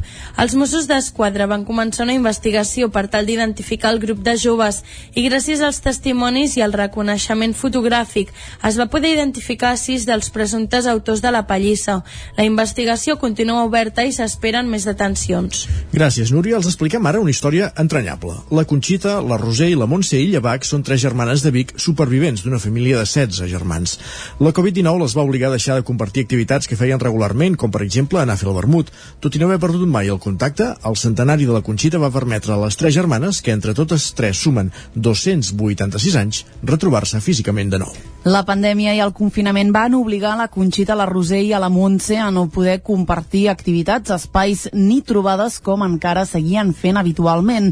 Això es va mantenir així fins al passat mes de novembre. La Conxita va complir 100 anys i això s'havia de celebrar. Dos anys després, les tres germanes es van poder retrobar físicament, tot i no haver deixat mai de mantenir el contacte per telèfon o altres canals de comunicació. Arribar al segle de vida pot ser té algun secret. Sentim per aquest ordre a Conxita Illa i a la seva germana la Montse. Sempre sóc molt metòdica. M'aixeco a la mateixa hora i ho he fet tota la vida, eh? Quan era més jove m'aixecava quarts de vuit, però ara, esclar, m'aixeco quarts de deu. M'hi arrepenjo. el dia que tinc un dinar o ve gent o així que no puc anar a fer migdiada, la trobo a faltar molt, eh? Bueno, a mi em va agradar molt perquè vaig ser la, la que ho vaig dir-ho dic, podríem fer una foto totes tres ja que som totes d'aquesta edat que no s'hi arriba gaire doncs la veritat doncs, em va fer molta il·lusió i de seguida em van dir que sí i, bueno, i, i aquí van venir i, i ara doncs esclar eh, hem, hem, hem tornat a, a trobar-nos aquí avui però vull dir que eh, de veure'ns ara en aquests moments com que hi ha aquesta malaltia no ens veiem tant, però ens telefonem molt Entre les tres germanes sumen 286 anys. Al 100 de la Conxita se li han d'afegir els 91 de la Montse i els 95 de la Roser, que al gener li toca bufar les espelmes també. Les tres volen seguir donant guerra per molts més anys i poder recuperar rutines d'abans de la pandèmia. Això sí, la Covid no els ha tret en cap moment l'alegria i el somriure que contagien a tothom amb qui creuen alguna paraula. Mollà celebra la Fira del Tió i el Mercat del Trasto a les portes de Nadal. Des de l'esclat de la pandèmia, aquestes dues fires han canviat d'ubicació i sembla que han arribat al Parc Francesc Vinyes per quedar-s'hi. Caral Campàs, des d'Ona Codinenca. Durant el matí de diumenge, el Parc Francesc Vinyes quedarà repartit en dos espais, un per la Fira del Tió, que ha estat organitzada per les diferents entitats del poble amb el propòsit de donar-se a conèixer als veïns, i l'altre pel tradicional Mercat del Trasto, que unirà diferents parades de segona mà i antiguitats. Gemma Bisbal, regidora de Promoció Econòmica, ho explica. Doncs aquest any, igual que l'any passat, eh, ho farem al parc, que pensem que és un espai molt emblemàtic i que es mereix més protagonisme i per això ho farem allà, tindrem allà totes les parades de trasto, totes les, les, les entitats. I, mm, i hi haurà també una actuació musical per amenitzar una mica el matí i també hi haurà i també es farà un brou A més, aquest cap de setmana també trobarem Fira de Nadal a Collsospina, a Olor, que arriba a la 25a edició, i el Passebre Vivent a Monistrol de Calders. Ixi, el duet que formen la cantant de Centelles Laura Cruells i el violoncel·lista biguetà Marçal Ayats, treurà nou àlbum sis anys després del seu debut discogràfic. Em fa estar tranquil saber que ets feliç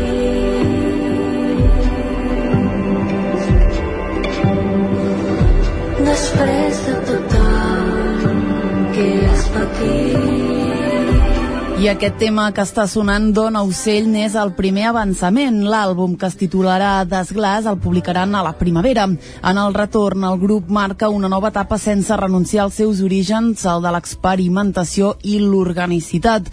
Tenen nou productor, Joel Condal, amb el que han elaborat un disc que descriuen com a ple d'artesania sonora, amb el violoncel i la veu barrejant-se amb electrònica. De, de la primera cançó que van avançar ahir, n'han fet també un videoclip que és obra de la directora Paula Ferran i del director fotogràfic Toni Llobet.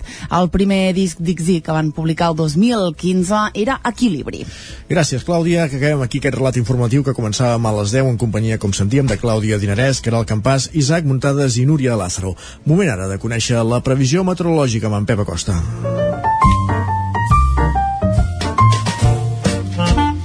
Casa Terradellos us ofereix el temps. Pep, posa'ns al dia. Hola, molt bon dia. El temps d'avui, de dissabte i diumenge, serà molt, molt monòton. No tindrem gairebé cap novetat.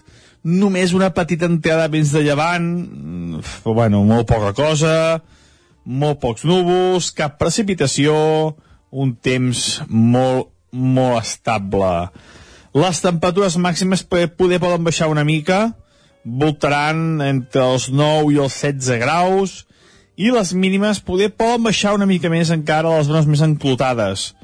Molt contrast entre el dia i la nit i també molta inversió tèrmica. Les temperatures més baixes a les fondalades que no pas a les muntanyes, a les cotes més altes. Una mica de boira, a la nit, però en el dia no n'hi no haurà, mm, uh, i mm, és, és que ja, ja que no sé ni què dir quasi bé, i molt poca, molt poca cosa més. Aquest anticicló és molt ferm, és molt potent, i n'hi ha per dies, n'hi ha per dies. Uh, la setmana que ve hi ha mapes que diuen que pot canviar, hi ha mapes que diuen que no, Uh, per destacar, uh, diria que aquests dies uh, hi haurà lluna plena aviat, algun, diria una cosa de l'espai, i una plena aviat, que es- està preciosa, per ser la lluna preciosa, es veurà preciosa. Uh, també es pot veure clarament uh, Venus, Júpiter i Saturn, uh, uh, pro- cap, a, cap al sud, cap al sud, cap al sud-oest, cap al sud-oest es poden veure aquests planetes, sobretot uh, a primeres hores de la nit, després ja la rotació terrestre no, no els deixa veure pràcticament, i el 2022 esperem que comenci més moviment meteorològic i que hi hagi més canvis de temps i que plogui molt més l'any 2022 que aquest any ha sigut molt molt sec moltes gràcies i molt bon cap de setmana adeu Gràcies, Pep. Bon cap de setmana. Ens apuntem aquesta carta als Reis. Tot seguit, eh, parlem a l'entrevista de la programació de l'Atlàntida, de la dotzena temporada de, de l'Atlàntida, amb el cap de programació d'aquest equipament cultural com és en Ramon Ferrer. Casa Tarradellas us ha ofert aquest espai.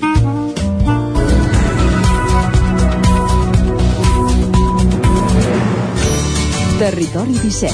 Envia'ns les teves notes de veu per WhatsApp al 646 079 023. 646 079 023. WhatsApp Territori 17.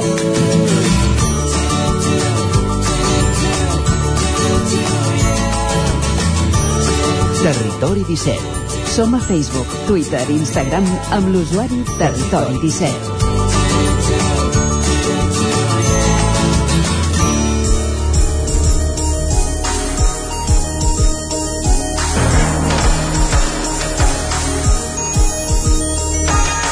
Passa un minut d'un quart d'onze i al Territori 17 parlem tot seguit de la nova temporada de programació de l'Atlàntida de Vic. Rigoberta Bandini, Joan Carreras, Júlia Letzneva, Les Impossibles, Joan Dausà, Jordi Buixaderes, Gemma Humet, Carles Sanz, Les XL, El Patio Teatro, Obeses, Ballet de Barcelona... Són només alguns dels noms que es podran veure a l'Atlàntida de Vic a partir de gener, en el que és la dotzena temporada de programació en aquest equipament de la ciutat de Vic, en aquest equipament usonenc, i una programació que es va presentar aquesta setmana al costat de la segona edició del cicle En veu de dona. De tot plegat, en parlem amb el director de programació de, de l'Atlàntida de Vic, en Ramon Ferrer, que ens acompanya a l'altra banda del fil telefònic. Bon dia, Ramon. Bon dia i bona hora. Què tal? déu nhi els noms que hem repassat ara, eh, de, de que conformaran sí. aquesta nova temporada de, de l'Atlàntida de Vic, sempre treballant per estar allò a primera fila, no?, al peu del canó. Sí, ho intentem. Eh, ja se sap que és un, és un joc petit, però, però amb ganes, sempre culturalment almenys està a primera línia i crec que ho estem aconseguint. Uh -huh. En aquesta programació, després repassarem noms, eh? però en aquesta presentació de la programació presentàveu també aquesta segona edició del cicle en veu de dona. Explica'ns una mica l'objectiu d'aquest cicle i els noms més destacats de, que en formen part en Sí. aquesta edició. Sí, aquest cicle, eh, per dir-ho així, eh, és com un recorregut, un itinerari, diguem-ne. Eh? Vam començar l'any passat i, i aquest any ho continuem perquè, a més, l'any passat va, va tenir molt bona resposta. I bà- bàsicament, bueno, és posar una cosa que tampoc ho estem descobrint ara, eh? però, però és d'alguna manera reivindicar el paper de la dona que es fa des de molts àmbits, no? perquè sabem que la dona ha estat silenciada segles i segles i, i ara és un moment en el qual doncs, això es posa molt manifest i nosaltres amb això també volem ser pioners d'alguna manera, no? o capdavanters i per tant doncs, pensem que és una reivindicació necessària i, i bàsicament el que fem doncs, és això, és fer tot un seguit d'espectacles en els quals doncs, la, la dona, pel que sigui, tant com a, com a, com a actriu, com a, com, com a directora, com a autora, la dona és protagonista. Uh -huh. D'aquest cicle en destaquen noms com el de Rigoberta Bandini, eh, l'espectacle Fam de les Impossibles, Nuades sí. de Corsia o Les Irresponsables, que és la desconstrucció del mite de l'amor romàntic amb, la, amb les XL. Eh, veiem sí. també que, que no només són grans noms, sinó de, i, també- i grans propostes, com també, per exemple, de, de propostes locals, com, el, com és el cas de, de Corsia, oi? Sí, exacte. De, de fet, d'alguna manera, no, transversalment, perquè en, tot, en tots els àmbits de programació que intentem no oblidar mai una de les que jo entenc, que és, que és una de les nostres funcions, que és que, que, que hem de donar canxa, eh, donar joc als, a gent, als agents locals artístics, sobretot de l'àmbit professional, no? com és el cos de, Cors, de Corsia Teatre, que és de les poques companyies professionals que tenim a Osona en el, en el cap del teatre. De la resta de noms de la programació eh, podem veure això, com deia, els que dèiem al principi, eh, des de Rigoberta Bandini, a Joan Carreras, eh, sí. Carles Sanz, eh, que, ara actua sol, sense els tricicle, diguéssim. Una mica com ha anat conformant tota aquesta programació. Bueno, és, eh, bàsicament, per un cantó sempre hi ha un tema que jo sempre dic, que és que, bueno, a vegades eh, els, els programadors són com uns restauradors, no?, que anem, anem al mercat i segons el que hi hagi al mercat ens la, fem la carta, no? Sí que és veritat que darrere a vegades hi ha una intenció, no?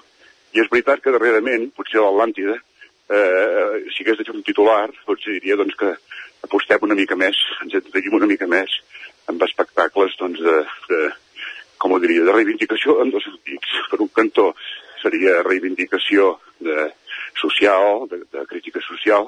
programació d'apostes culturals atrevides, innovadores, multidisciplinàries, i, i una mica eh, mantenint sempre el que ja havíem fet fins fa anys, que és una base d'espectacles doncs, que agradin a tothom, estem intentant una mica doncs, mantenir aquest, eh, eh, més que mantenir, diguem, eh, atrevir-nos en aquestes noves iniciatives. Jo crec que la programació amb Roberto Bandini, amb, amb Néstor del Jardín de los Cárpatos, amb, fins i tot amb teatre clàssic com Final de Partida, que és amb Jordi Buixaderes i Jordi Bosch, perquè és un títol, diguem, del teatre de l'absurd, un títol atrevit. En general, eh, apostem una mica cap a aquesta línia. I la presentació del nou disc d'Obeses, també. És una altra de les apostes. Sí, el, el projecte d'Obeses encara s'està construint uh -huh. i per tant no podem parlar gaire perquè encara ells mateixos estan en altres projectes, però però sens dubte sempre, serà, sempre és una bona notícia saber que Obeses estrenen un projecte i l'estrenen a Vic. Molt bé. Um, i una mica el que comentàvem, ja fa, ja és la dotzena temporada que presenteu, l'Atlàntida ja celebra el 12è aniversari, ja són 12 anys programant, com dèiem, a, a, a primer nivell, i sempre és això, intentant mantenir les sales plenes, per tant, demostrar que, que realment es pot fer cultura, que hi ha resposta, que hi ha reacció del públic, i, i fer-ho des de comarques. Sí, eh, eh, és el que deia al començament, o sigui, Vic és un lloc petit, i tot, o sigui, juguem amb un contrasentit, no?, perquè eh, és un lloc que per habitants potser correspondria a un altre tipus d'equipament, un altre tipus de programació, però és, un, és una comarca, tot Osona, Vic i Osona, és una comarca molt potent culturalment i, per tant, diguem, l'equipament també és més gran del que pertocaria, però en canvi se'n fa un ús absolutament normalitzat i és un repte sempre haver de, haver de, haver de donar-li rendiment, però jo crec que ho aconseguim molt i insisteixo, eh, no només amb programacions comercials, que això seria el més fàcil, sinó que intentem fer el, el que ens pertoca que és un servei públic i per tant donar veu a totes les sensibilitats, donar veu a totes les, les iniciatives de diversos àmbits i penso que això, eh, sempre, jo sempre ho dic, com a programador tinc un cos, una cosa que em juga molt a favor i és que el públic d'Osona és un públic molt culte, molt potent culturalment i això ho fa més fàcil, evident, tot això que dic. Uh, estem parlant de la programació que podrem veure a partir de, de gener uh, no obstant, encara hi ha espectacles programats pel que queda de, de desembre i avui mateix, l'altre dia en parlàvem amb en Jordi Vilarrodà, precisament aquí al Territori sí. 17 també, uh, es representa ACA una, i, i és una mica allò de rodar el món i tornar al born no? perquè és un espectacle que, sí. que ha triomfat molt a Barcelona i, i en molts altres llocs on s'ha representat, que ha tingut molts premis però que realment sí. va néixer a l'Atlàntida on es va fer la preestrena i la preparació prèvia, diguéssim, abans de la posada en escena. Sí, sí, efectivament, és un cas d'aquests que ens fa especial il·lusió el d'avui. Uh -huh. eh, ja, ja vam fer dues sessions escolars ahir, ahir al matí, uh -huh. i ja que és això, és un espectacle que es va fer la preestrena aquí a Vic, ja fa, eh, crec que dos anys, si me'n recordo. Després ha començat a volar, ha tingut premis per tot arreu, estan, estan, han estat actuant per tot l'estat, en català i en castellà, i finalment, després de recollir tots aquests èxits, és un plaer tornar-los a recollir aquí en tots els èxits, perquè quan la vam estrenar, com aquell que diu, quasi va passar desapercebuda, no?, perquè no sabia, ningú, ni nosaltres mateixos teníem, teníem, teníem a l'imaginació que tindria aquest abast, aquesta -hmm. obra, no? Realment és una obra fantàstica i ens va, ens va encantar, eh? I realment els gent que vinguin s'ho passaran molt bé perquè és una obra fantàstica una obra dirigida per la biguetana Montse Rodríguez i que més ara, compta, a diferència de quan es va preestrenar, contra, compta amb un altre, amb un altre actor protagonista. Però igual fa igual de bé que el, que el primer, eh? Segur, això. no en tinc cap dubte. I aquest cap de setmana també hi ha dansa amb Àngel Duran dissabte, diguéssim, un altre de... És, sempre diem que la, la dansa és la, la germana petita de les arts escèniques, però també s'hi aposta sí. en aquest aspecte. Sí, bueno, uh, mira, l'Àngel Duran és un cas, uh, jo diria que semblant també el que, el que estàvem dient ara amb Baca, no? És el cas d'un nano jove de l'Esquirol que, que sense, gaire, sense gaire soroll estava estudiant a l'estranger, estava, ja té un, un currículum potent a nivell de formació i que ens va venir aquí un dia a proposar un espectacle i vam dir, va, apostem per ell, que fa bona cara això, no?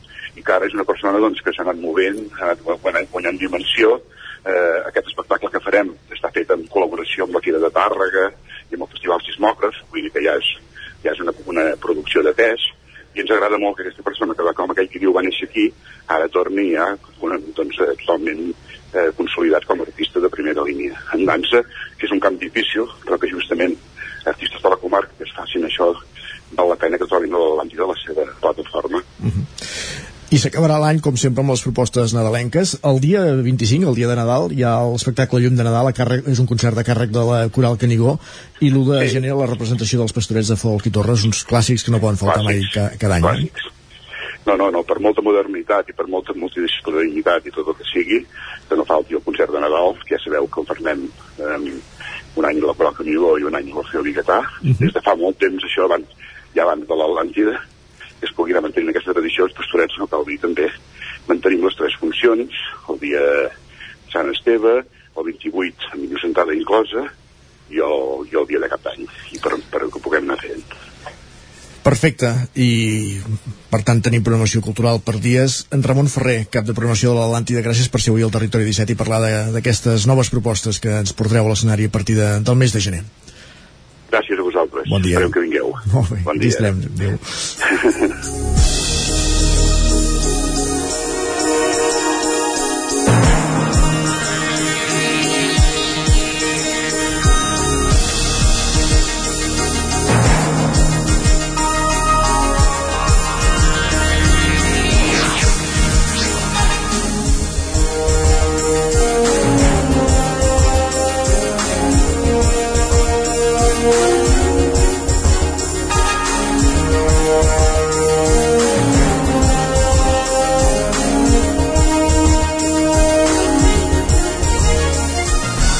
amb la revista, amb l'entrevista, perdó, arribarem a la pausa que fem just abans de dos quarts d'onze, com cada dia, seran 3 minuts i tornem de seguida amb les pilades, amb en Guillem Sánchez, eh, amb la taula de redacció, avui amb Jordi Vilarrodà i Guillem Freixa, i el repàs a l'agenda esportiva del cap de setmana, com cada divendres aquí al Territori 17. No marxeu.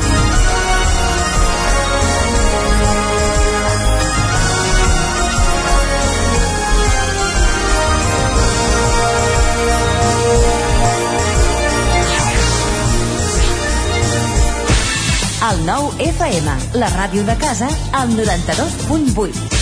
A tu, que t'interessa el consum responsable, Virunga és la teva botiga. A Virunga estem treballant amb marques eco-friendly. A Virunga mirem pel medi ambient i la sostenibilitat del planeta. Som comerç local i ajudem a vertebrar la ciutat. Compra amb responsabilitat. Virunga, el teu concept store. Al carrer Verdaguer 19 de Vic. Unga, unga, Virunga. Saps què és el confort intel·ligent? És tenir un terra radiant Giacomini a casa. Benestar que no es veu, però es nota tot l'any. I que pots controlar a distància des del teu mòbil, estalviant energia i diners. Suma't al confort intel·ligent amb Giacomini. Informa't a giacomini.es o truca al 93 884 1001 i t'ajudarem a tenir un terra radiant a casa o a l'oficina. Giacomini, la climatització que et mereixes. Cobertes serveis funeraris. Els nostres tanatoris estan ubicats en els nuclis urbans més poblats de la comarca d'Osona per oferir un millor servei. Tanatori de Vic, Tanatori de Manlleu, Tanatori de Centelles i Tanatori de Roda de Ter. Sabem que són moments difícils i per això el nostre compromís és atendre-us en tot moment amb un tracte humà, sensible i respectuós. Cobertes serveis funeraris. Telèfon 24 hores 93 883 23 46. Ja sé com vull el nou bany. Blanc, d'estil mediterrani, fresc i funcional. Ara que també podríem aprofitar per canviar el terra del pis. Fa tant de temps que el vull renovar. A Corretja trobem el bany que millor s'adapta a tu. I si t'animes, trobem el que millor li queda a la resta de la teva llar. 100% bany. 100% Corretja. A Corretja tenim tot el que necessites per renovar la teva llar. Materials per la construcció, revestiments, parquets, cuines, pintures. Al carrer Mas Vigues 8 de Vic. A corretja-sl.com o a Instagram. 100% materials per la construcció i la decoració. 100% Corretja. Corretja us desitja unes bones festes. Vine a Autoscola Montseny. Ara és el moment de fer els cursos de teòrica intensius, ràpid i eficaç. T'informarem dels PACs. Permís de moto de 16 i 18 anys i permís de cotxe. I si vens a veure'ns, tindràs un obsequi. Apunta't i no t'ho pensis més. Per més informació, Autoscola Montseny, Rambla de Vallades, número 13 de Vic. Busca'ns a Instagram i Facebook. Autoscola Montseny us desitja unes bones festes. Anuncia't al 9FM. La màquina de casa. 9 3 8 8 9 4 9 4 9. Publicitat arroba al 9FM.cat. Anuncia't al 9FM. La publicitat més eficaç.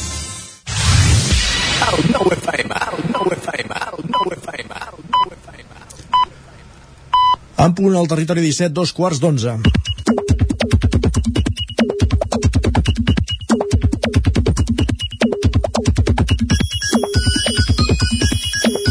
I moment de conèixer el més destacat que es cou a Twitter amb Guillem Sánchez. Bon dia, Guillem. Bon dia, Isaac, què tal? Com estem? Bé, i Molt bé, molt bé, molt bé. A punt ja d'encarar el cap de setmana i avui ja se m'han quedat les orelles eh, fredes, eh? I On fa, vermelles quan, fa, eh, de bon matí, de fred. quan estava venint cap aquí no, no, no sembla pas amb el sol aquest que, que tenim, ostres, uh, he, he passat molt fred. És que abans del sol hi ha hagut boira. Correcte. I això es nota. Doncs va, uh, fa fred, passa el temps i passa el temps també per a molts usuaris de Twitter, per exemple, ens escriu en Guillem que diu una cosa, en quin moment d'aquí 3 mesos farà 3 anys del confinament que em tornin els anys de vida? 3, no, 2, no. Ara, ara, ara, aquí Ah. t'he vist bé, Isaac, t'he vist bé. Diu perquè eh, en, en Guillem mateix s'ha donat del seu error, tal com li han fet notar alguns usuaris que li han escrit crec que no t'han dit suficient vegades que són dos, dono la meva aportació també i en Guillem mateix diu gràcies per l'aportació les 56 persones que s'han rigut de mi i jo encara no ens n'havíem adonat. Bé, lapsus d'aquells els pot tenir els pot tenir molta gent, però que el temps passa molt ràpid també és una... També és cert, sí, sí és, una, és una bona afirmació. Va, hi ha usuaris que s'han quedat amb ganes de poder fer el seu sopar de Nadal, segur que hi ha gent que la que l'ha pogut fer d'altres no, els qui són autònoms però tenen avantatge, com ens han recordat per exemple l'usuari ara cap allà diu avui pot ser un bon dia per fer el sopar d'empresa de la meva, de jo, a mi mateix que al final suposo que... Sí, els autònoms, no? Correcte, acabarà sent potser un pa amb tomàquet a casa o demanar alguna cosa per, per emportar i, i menjar-s'ho i ja està, tenim el sopar de... O pot ser una cosa més elaborada, també. Sí? Ostres, a vegades fa una mica de mandra, Isaac? Si, si ho has de fer sol, fa, fa una mica de mandra. La qüestió és gaudir-ho, sigui el que sigui. Doncs va, canviem de tema i entrem en un escenari una mica més divertit, el que ens proposa l'usuari La Mandarina, que ens escriu. Tu has enviat aquest emoji, el del dit del mig en amunt, a la teva cap en lloc d'aquest, dit índex cap amunt, doncs vinga. Ja, qui l'ha enviat?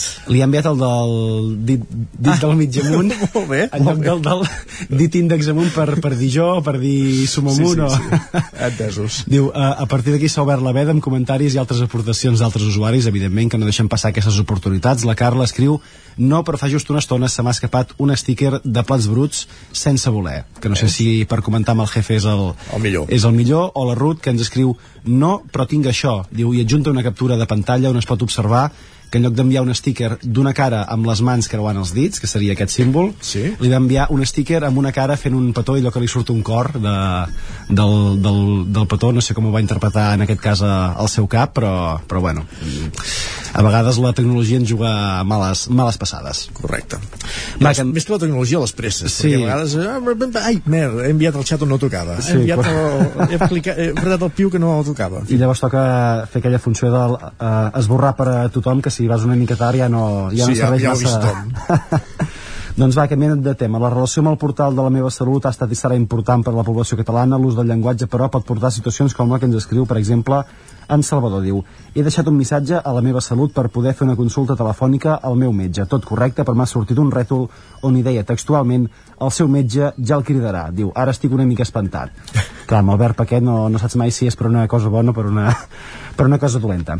I a l'àmbit dels transports, l'Àlex ens fa notar, diu, m'agrada molt aquest nou sistema de circulació dels trens que permet al passatger baixar exactament on vol. Molt bé, com sempre, Rodalies. I aquest missatge serveix com a resposta d'un altre tuit d'en Què vol Ferran. baixar allà on vol? Ara no entenc res. Ara, ara. Eh, Ah, aquí anem, diu, aquest missatge és una resposta a un missatge d'abans d'en Ferran, on es pot observar un vídeo d'un vagó de Renfe circulant literalment amb la porta oberta. Ah, molt bé. Tot un drama.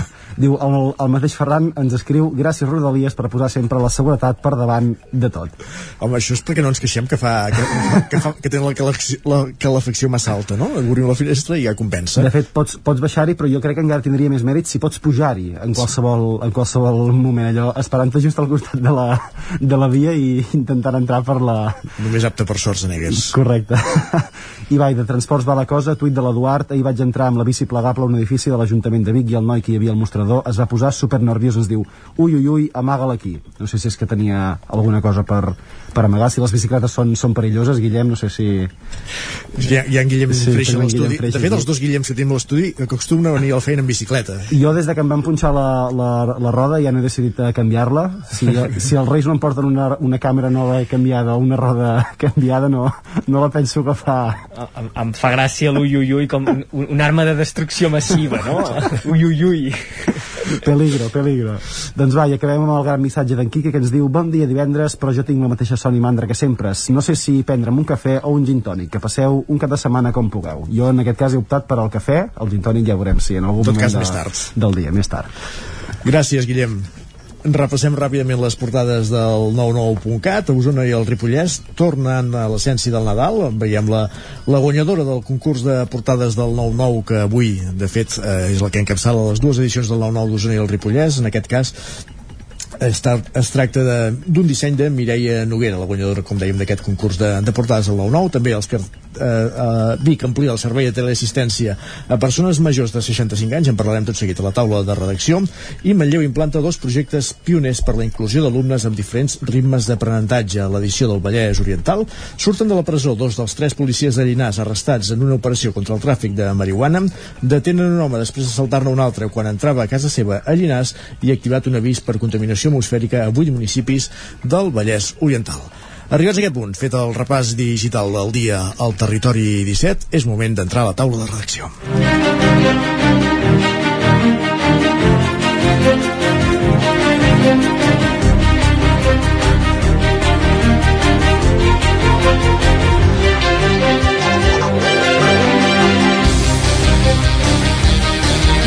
La taula de redacció avui ens hi acompanyen en Guillem Freixa i en Jordi Vilarrodà. Guillem, parlem d'això, del servei de teleassistència eh, a Osona, de, de la tasca que fa com dèiem, llegim aquest titular, que a Vic s'ha ampliat aquest servei de teleassistència a les persones majors de 65 anys. Sí, eh, efectivament, és un, és un servei que va néixer de l'aposta de la Diputació de Barcelona per oferir eh, aquesta opció de, de qualitat, eh, d'atenció domiciliària a les persones grans. Es va posar a disposició dels municipis, són molts els municipis de, de la comarca d'Osona, del Ripollès, del Vallès, de, de molts punts de la demarcació barcelonina que ofereixen aquest servei de teleassistència, però ens centrem en la ciutat de Vic, perquè és on aquestes últimes setmanes hi ha hagut notícia, i és que Vic, l'Ajuntament de Vic, ha decidit ampliar aquest eh, servei de teleassistència als majors de 65 anys i que, i que poden demanar-ho sense cap requisit concret. Fins ara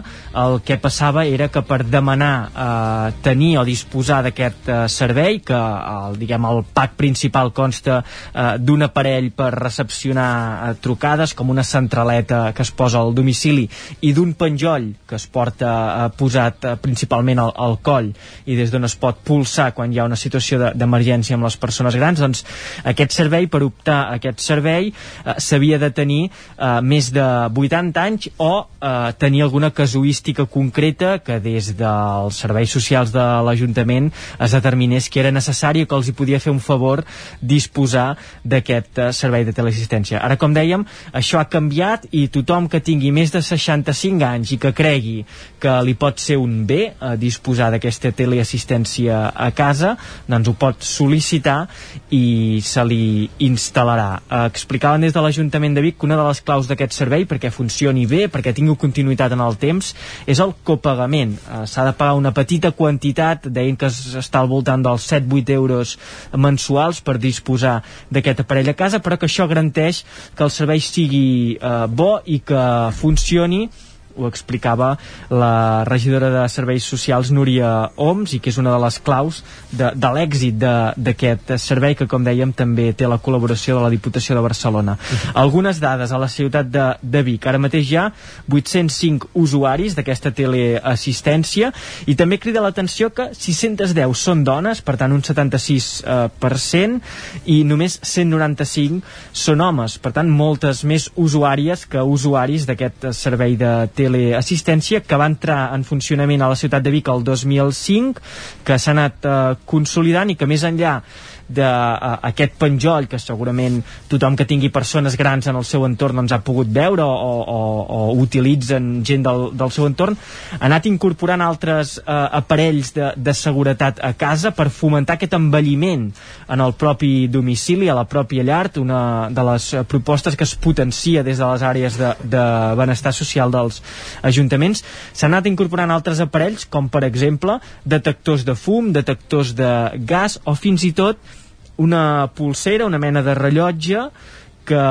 serveix per detectar caigudes i pèrdues de coneixement de la persona que ho porta. Per tant, si una persona eh, pateix una caiguda en el seu domicili dutxant-se, fent eh, qualsevol activitat del dia a dia, perd el coneixement, per tant, no podria avisar amb el botó convencional, aquesta pulsera sí que li detecta algun canvi en les pulsacions i fa un avís a la, a la central. Mm. Sobre aquest eh, servei en vam poder parlar amb Ramona Gràcia, veïna ah, no, de la ciutat. Que la millor prova, la prova del cotó sempre és l'usuari, i Exacte encantats, oi?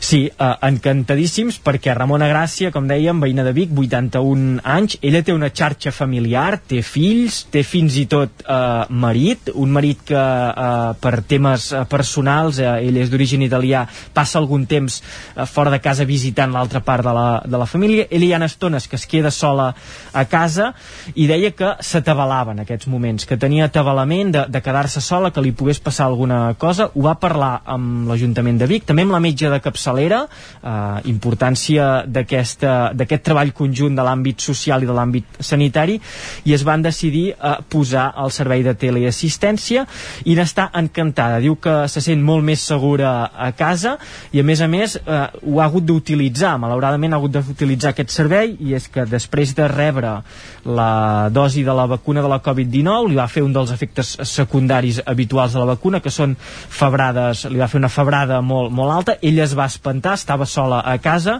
i el que va fer va ser prema el botó, avisar que tenia aquesta febre alta i ella explica que al cap de 5 minuts tenia l'ambulància a casa amb un metge que li van fer una primera atenció, la van també tranquil·litzar, ho van mirar tot bé, per tant, que va funcionar aquest servei de teleassistència i remarca que les persones que creguin que els hi pot fer un bé, que ho demanin, sobretot ara això, eh, que es pot demanar a partir de 65 anys i sense cap requisit concret, que ho demanin. També eh, deia això la regidora de l'Ajuntament de Vic, Núria Oms, eh, que aquest eh, servei amb la pandèmia s'ha demostrat que és molt i molt important perquè també permet conversar i fer una atenció psicològica a les persones grans. Perfecte, moltíssimes gràcies Guillem per acostar-nos aquesta informació. Continuem a la taula de redacció i ara en companyia d'en Jordi Vilarrodà. Parlant de la Universitat de Vic, perquè sovint hem explicat eh, les obres i la introducció que està fent la Universitat de Vic a, la, a, la, a dins el que és el nucli de la ciutat de, de Vic, eh, sobretot a partir de, de l'adquisició i, i adaptació de Casa Convalescència, i en aquestes obres d'anar adaptant Casa Convalescència, ara el que s'inaugura és el, el Paraninf, el que es posa en marxa és el Paraninf, un, un, un, un servei, un equipament, un equipament ja, diguéssim, que, que situa l'UBIC a, a primera categoria, no? diguéssim, amb tots els equipaments aguts i per haver dins una universitat. Efectivament, han començat fa més o menys un mes les obres de rehabilitació de l'església de l'Hospital de la Santa Creu que eh, ja queda molt enrere, suposo, la gent que recorda potser haver-hi anat a missa, algú que seguís el mercat de música viva cap als anys 90 potser recordaria que s'hi havien fet concerts de música clàssica, de quan, el, quan el mercat de música viva tenia oferta de música clàssica, i després dubto que gaire gent eh, hi hagi entrat allà dintre aquesta església, que eh, com tothom sabrà més o menys que conegui que està doncs al principi de la Rambla de Sant Domènec, com una una façana barroca, doncs una façana molt imponent també, i ara aquí han començat les obres per fer-hi el Paraninf de la universitat. Què és el Paraninf? El Paraninf és mm, la sala solemne d'actes, diguem, allà on s'hi fa la inauguració de curs, on s'hi fa una conferència destacada, on s'hi fa doncs, la proclamació d'algun doctor honoris causa, aquesta sala d'actes que moltes universitats, diguem, amb solera tenen eh, eh, i, i que habitualment se'l correspon també amb algun espai històric que ha fet la Universitat de Vic, com que està està rehabilitant des de fa anys tota l'illa aquella doncs, on s'inscriu aquesta església de la que forma part la casa de convalescència també, el que era tot l'antic hospital de la Santa Creu doncs quedava aquesta part i aquesta església serà la que un cop rehabilitada, un pressupost de 700.000 euros que s'hi està invertint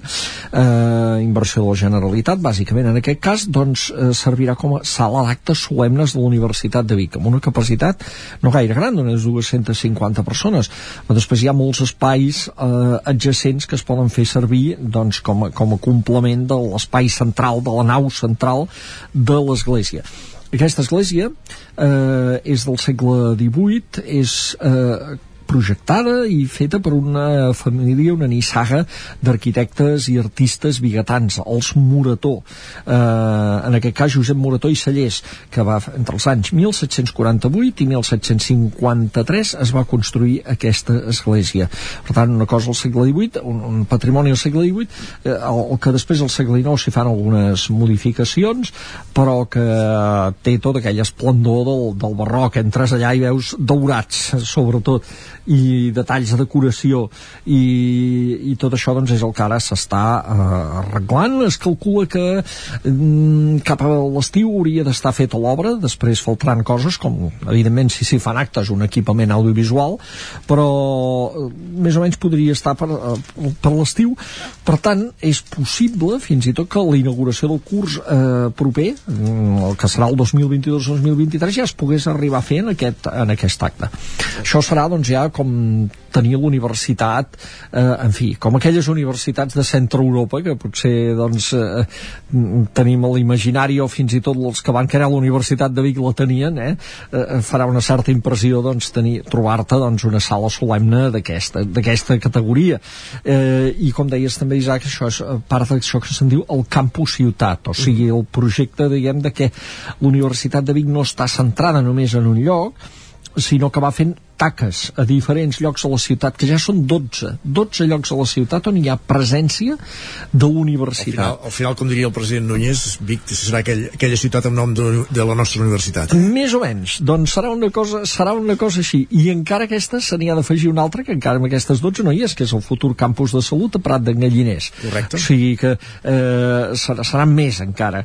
I, I és això, anar fent, anar fent presència a diferents llocs a la ciutat, a més a més sí que és veritat que aquest equipament no serà només per fer-hi els actes solemnes de la universitat, sinó que s'obrirà a actes de la ciutat. O sigui, ara ens podem imaginar, doncs, quan es fan els concerts del so de les cases, doncs ens imaginem que segurament aquí n'hi faran algun. Uh -huh. O... És un equipament més per la ciutat. Exacte, serà un equipament de la universitat, de la Fundació Hospital de la Santa Creu, que no deixa de ser el propietari de l'edifici, i, a més a més, doncs, obert a la ciutat. Perfecte, Jordi, doncs gràcies per explicar-nos aquest, aquest futur projecte que ja comença a dansar, bàsicament perquè s'estan fent les obres i que serà una realitat durant el 2022. Gràcies per ser avui a la taula de redacció. Res. I acabem aquesta taula de redacció, tot seguit anem pel repàs esportiu al territori 17.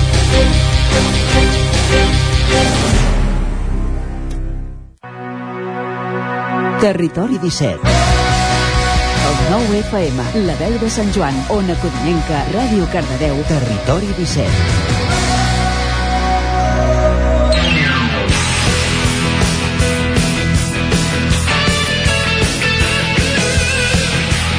12 minuts són els que falten perquè siguin les 11 del matí. Continuem al territori 17 i ara parlant d'esports, coneguent l'agenda esportiva dels equips de les nostres comarques per aquest cap de setmana.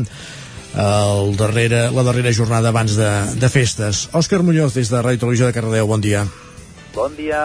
Com estem? Com ho tenim aquí baix? Ho tenim, ho tenim difícil aquest cap de setmana, eh? Per què? Eh? Pel fred, no? Bon, bo, pel fred, per les posicions, amb, quin, amb els equips d'aquí juguen contra... Bueno, els equips que juguen, bueno, una miqueta de tot. Bueno, és, és, és el cap de setmana de donar la campanada, doncs va, explica'ns. Exacte, sí. Comencem amb el primer equip, que demà s'haurà de desplaçar cap a Parets a les 7 de la tarda. Actualment aquí sí que el primer equip va millor que el Parets, uh -huh. uh, van cinquens de la Lliga, el primer equip. Estem parlant de, de futbol, eh? De... de futbol, sí, perdona. Comença a futbol. Exacte, a la segona catalana on està situat el primer equip del Cardedeu. Molt bé. Ara ens anem cap a la tercera catalana, on està situat el filial, que jugarà a casa contra el Canovelles a dos quarts de cinc del municipal de Cardedeu. Molt bé. I també el, aquí a Cardedeu doncs, arriba a la tercera posició, el filial que va millor que el primer equip. S'afrontarà un Canovelles eh, situat a la posició número 13. Així que aquí sí que tenim bastant diferència i doncs, com hem comentat, a la mateixa lliga, el Llinàs ho farà fora de casa, jugarà fora de casa contra l'Atmella del Vallès a les 12 del migdia. Aquí, doncs, l'Atmella del Vallès són sisens i els llinasencs van onzens a la tercera catalana. I acabem amb el futbol, eh, o sigui, acabem amb el futbol amb l'Esport Club a la tercera divisió, amb, eh, que demà dos quarts d'una rep el Girona B, partit molt difícil per l'Esport Club, els gironins van tercers, han estat molt regulars a la Lliga i bueno, l'Esport Club també ha sigut molt regular, però per la part inferior de la Lliga. Així que doncs, serà un, un partit eh, bastant difícil per l'Esport Club, però bueno, jugaran, jugant a casa i tenint l'afició del costat, doncs esperem que puguin tenir alguna sorpresa eh, al, a l'estadi del carrer Tetuan. Perfecte, estarem pendents.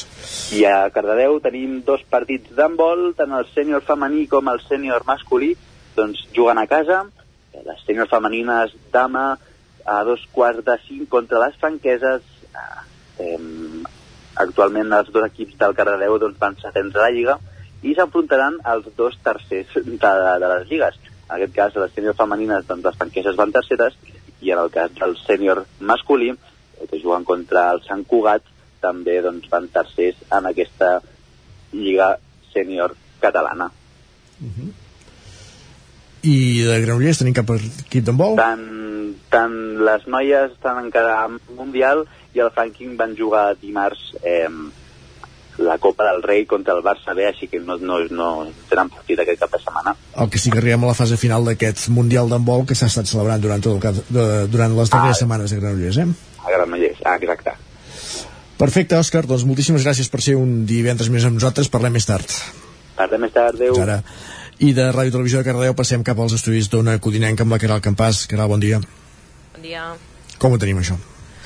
Mira, començo pel futbol. A segona catalana tenim el primer equip d'alcaldes, el grup 6, un caldes que rebrà la visita de l'Argentona diumenge a un quart d'una. Alcaldes eh, que va perdre la seva posició de líder de grup eh, el cap de setmana passat, i tot i que està empatat a punts contra el Sant Pol, que és primer, i l'Argentona serà un rival fort, només 3 punts per sota eh, d'aquests dos equips, junt amb el grup. Eh? Per tant, quatre equips que s'estan aquí disputant les tres primeres posicions um, d'aquest grup 6 de segona catalana.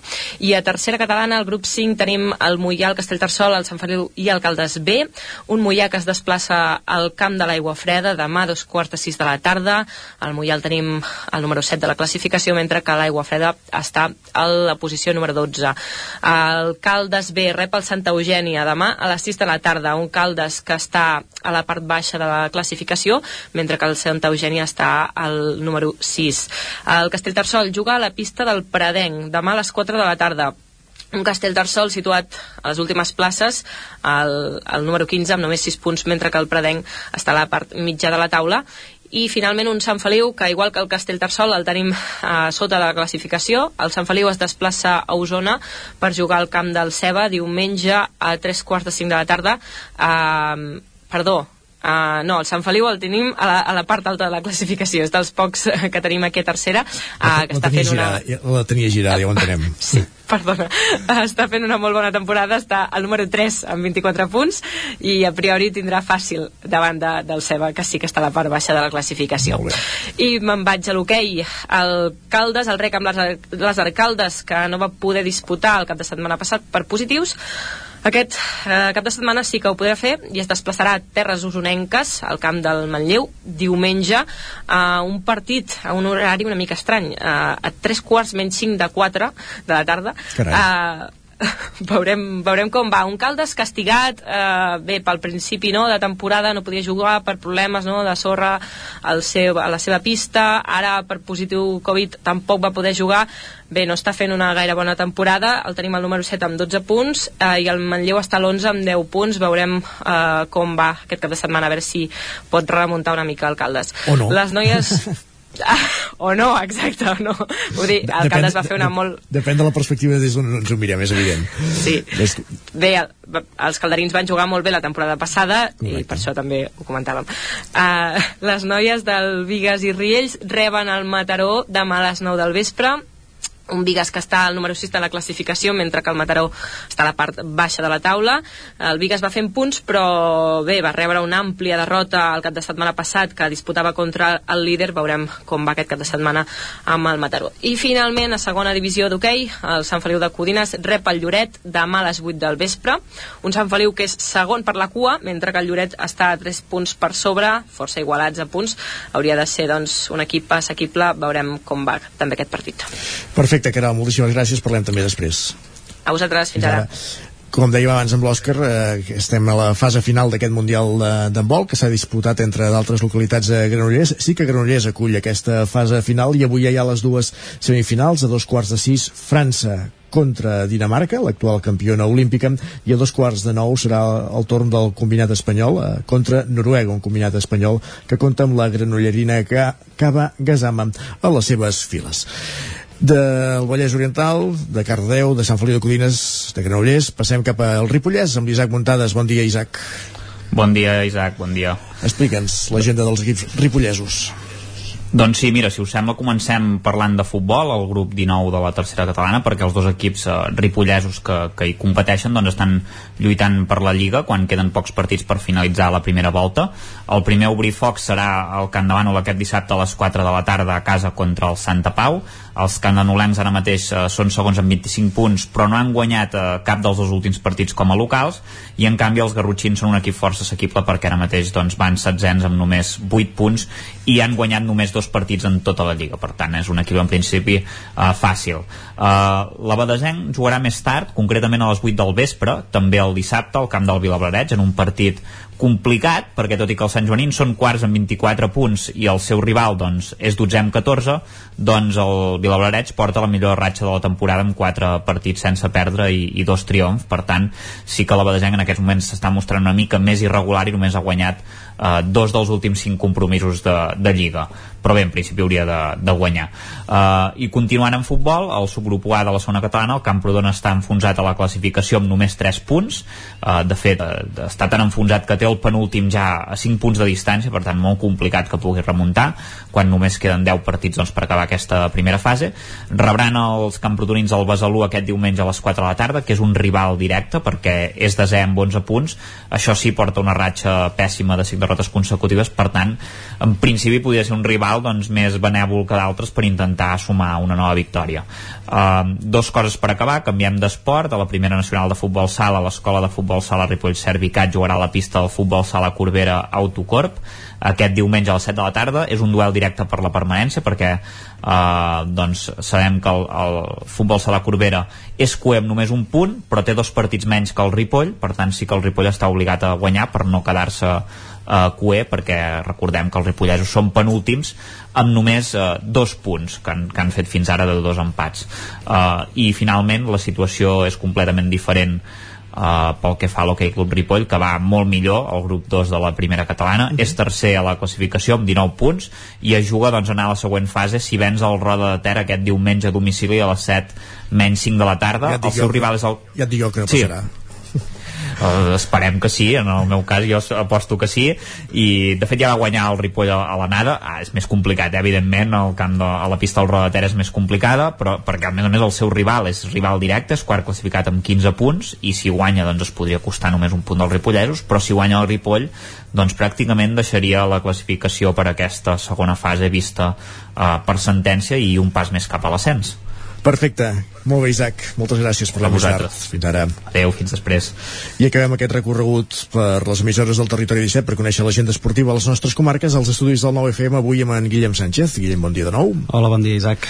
Explica'ns l'agenda dels equips usonencs. Doncs va, comencem per l'àmbit del futbol perquè el Tona es vol mantenir en aquesta primera posició i vol ser campió de- d'hivern al grup 2 de la primera catalana i per fer-ho, de fet, en té prou amb un empat contra el canvi d'Alet aquest dissabte a les 3 a casa, qui també jugarà a casa serà la Unió Esportiva Vic el dissabte a les 4 contra l'Horta, que és un rival de la zona baixa, per tant intentaran refer-se precisament de la derrota contra el Tona l'última jornada amb el, amb el derbi i qui també jugarà a casa serà el Manlleu diumenge a les 4 contra el... Ara, que perdó, ara- perdó, ara- ara perdó, m'estic Manlleu. cables, eh? Perdó, El- el perdó. líder és el Manlleu, Perdó, no? perdó, perdó, sí, sí, sí. i el derbi és el Manlleu, val, ara, ara ara estava- malament, ara dèiem malament. El Manlleu intentarà això, mantenir-se en aquesta primera posició, el Tona és segon a 3 punts del Manlleu, per tant, en cas de derrota del Manlleu i victòria del Tona, potser podria ser campió d'hivern al Tona, però sí, sí, és el, és el Manlleu que juga diumenge a les 4 a casa contra el Rubí. L'únic dels equips usonencs de primera catalana que juga fora és el Vic Riu primer, que ho fa dissabte a les 8 del vespre al camp de l'Atlètic Sant Just. Ara mateix recordem que el Vic Riu primer és penúltim amb només 8 punts.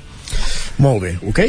Ok, anem per l'hoquei Lliga masculina, tindrem dos duels a casa aquest cap de setmana, el Voltregà rebrà l'Igualada el dissabte a les 8 del vespre, de fet és un rival directe a la classificació i els eh, voltreganesos volen acabar aquesta, bueno, aquesta primera part de la temporada abans de les festes de Nadal amb una victòria i el Manlleu jugarà contra Alcaldes diumenge a 3 quarts menys 5 de 4 de la tarda, un partit que es podrà seguir en directe Isaac per al nou TV qui no pugui anar al pavelló municipal.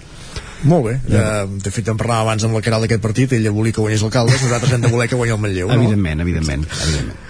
Molt bé, més okay, qüestions. ok, Lliga Femenina, el Club Patí Manlleu també jugarà a casa, en aquest cas contra el uh, Vilassana, dissabte a les 5 de la tarda. És, és un duel entre dos equips que arriben en ple de victòries, per tant, qui acabi sortint guanyador d'aquest duel es mantindrà en aquesta primera posició i el Voltregà, en canvi, es desplaça fins a les Rozas el dissabte a les 6 de la tarda. Les uh, voltreganeses busquen tot just la segona victòria de la temporada, un any que de moment està sent una mica més, més complicat per les de Sant Hipòlit. I en el cas de l'hoquei Lliga Plata, tenim un duel entre el Taradell i el filial del Barça el dissabte a les 6, en cas de victòria el Taradell es mantindria segon a la classificació i el Club Pativic intentarà refer-se de la derrota al derbi de l'última jornada visitant a la pista del Xum Massanets, això, això serà aquest dissabte a les 8 del vespre Perfecte. Algun eh, punt més? Sí, un parell de, de punts. En el cas del bàsquet, l'última jornada d'aquest 2021 per al Club Bàsquet Vic serà a la pista del Mataró, aquest diumenge a partir d'un quart de vuit del vespre i en el cas del tenis taula, la superdivisió femenina en el seu grup 1, el Girbau Vic Tenis Taula jugarà dissabte a dos quarts de dotze del migdia i en cas de victòria les biguetanes es mantindrien en tercera posició d'aquesta classificació. Perfecte, moltíssimes gràcies, Guillem. Que I vagi acabem, que vagi bé. Acabem aquí aquest repàs esportiu. Ens actualitzem amb les notícies. I ho fem ara que passa un minut de les 11 del matí. Territori 17, amb Isaac Moreno i Jordi Sunyer.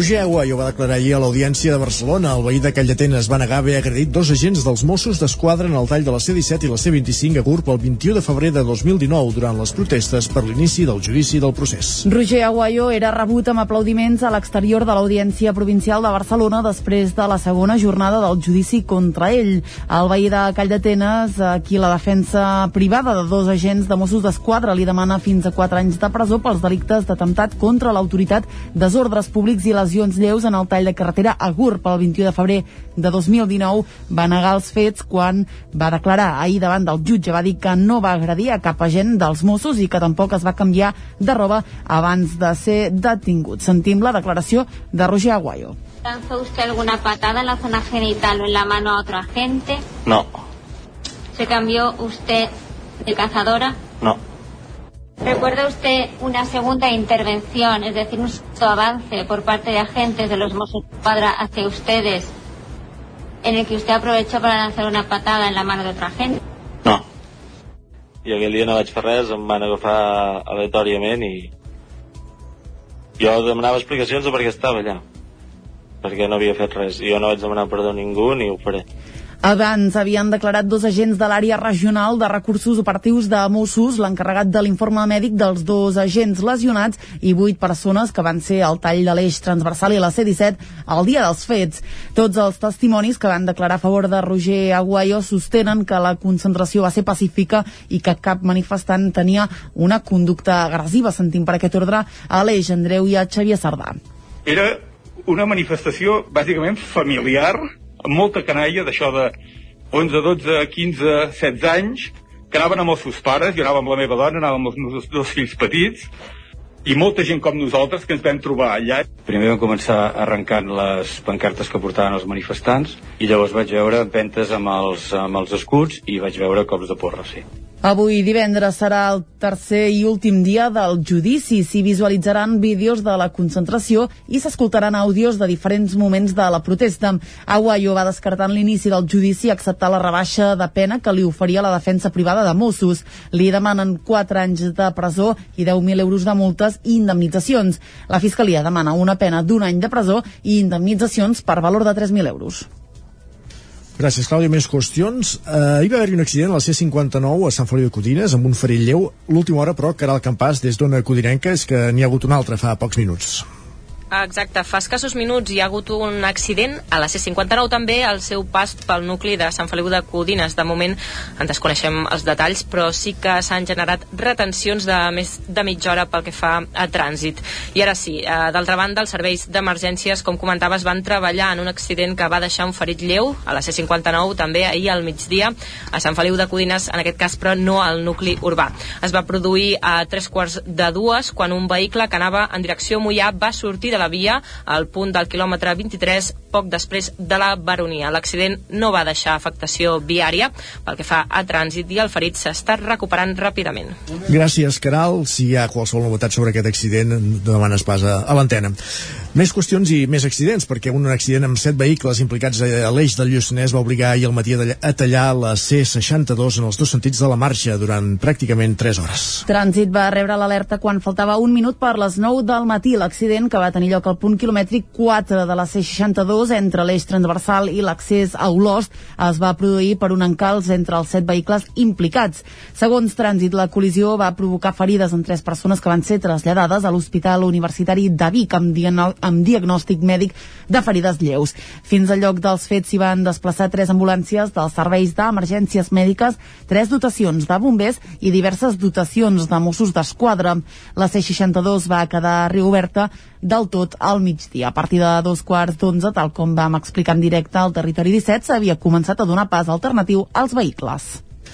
L'skatepark de Cardedeu s'amplia amb cinc nous mòduls. Els cinc elements han estat escollits de manera participada entre el col·lectiu de patinadors. Núria Lázaro, des de Ràdio Televisió de Cardedeu. El parc de patinatge o skatepark del Parc del Molí, a tocar de la Rambla d'Ernest Lluc, s'ha ampliat amb cinc nous mòduls amb característiques polivalents aptes tant per a les persones que s'inicien en aquest esport com aquelles de nivell avançat. La tria dels mòduls s'ha fet a través d'un procés participatiu on les joves participants han pogut dissenyar China. El nou espai a partir dels 20.000 euros destinats al projecte. Aquesta millora se suma a la que ja es va executar a finals de l'any 2020, després de ser una de les propostes guanyadores dels pressupostos participatius juvenils COU. A Cardedeu hi ha un grup estable d'unes 50 joves d'entre 12 i 30 anys que patinen setmanalment. Amb l'ampliació de l'skatepark, l'Ajuntament de Cardedeu vol donar resposta a la demanda social d'aquest col·lectiu i utilitza la pràctica d'esports urbans com a element de cohesió potenciant la seva visió educativa. Al mateix temps es pretén fomentar la salut i l'esport a l'aire lliure. Centelles acollirà aquest cap de setmana la 14a edició de la Fira de la Tòfona. La proposta que es farà entre el Palau dels Comtes i la plaça Major arriba amb l'objectiu de dinamitzar el comerç del poble. Centelles es prepara per acollir aquest cap de setmana la 14a edició de la Fira de la Tòfona. Després d'un any marcat per la pandèmia, la proposta es desplegarà de nou al nucli antic amb dos objectius, dinamitzar el comerç local coincidint amb les festes nadalenques i exercir la capitalitat de Centelles com a municipi referent dins del sector de la tòfona. Josep Paré és l'alcalde de Centelles. Un dels objectius més importants de la Fira és aquest vincle econòmic i comercial de dinamització de, de Centelles L'altre aspecte doncs, que també és important és tot el tema de la, de la cuina i en definitiva reivindicar que Centelles té un vincle molt important amb la tòfona, és un dels llocs que està demostrat que la tòfona surt de més qualitat en el propi territori i per tant doncs, exercir o voler exercir la capitalitat d'aquest producte en el país doncs, és posar en valor aquest passat històric i evidentment això es pot fer perquè tenim el producte que neix bo en el, en el municipi però també perquè tots els serveis i comerços que col·laboren doncs, fan que la fira tingui aquests complements molt importants al llarg d'aquesta fira. L'espai firal, ubicat als horts del Palau dels Comtes, comptarà amb una vintena de parades, totes amb productes relacionats amb el diamant negre de la cuina.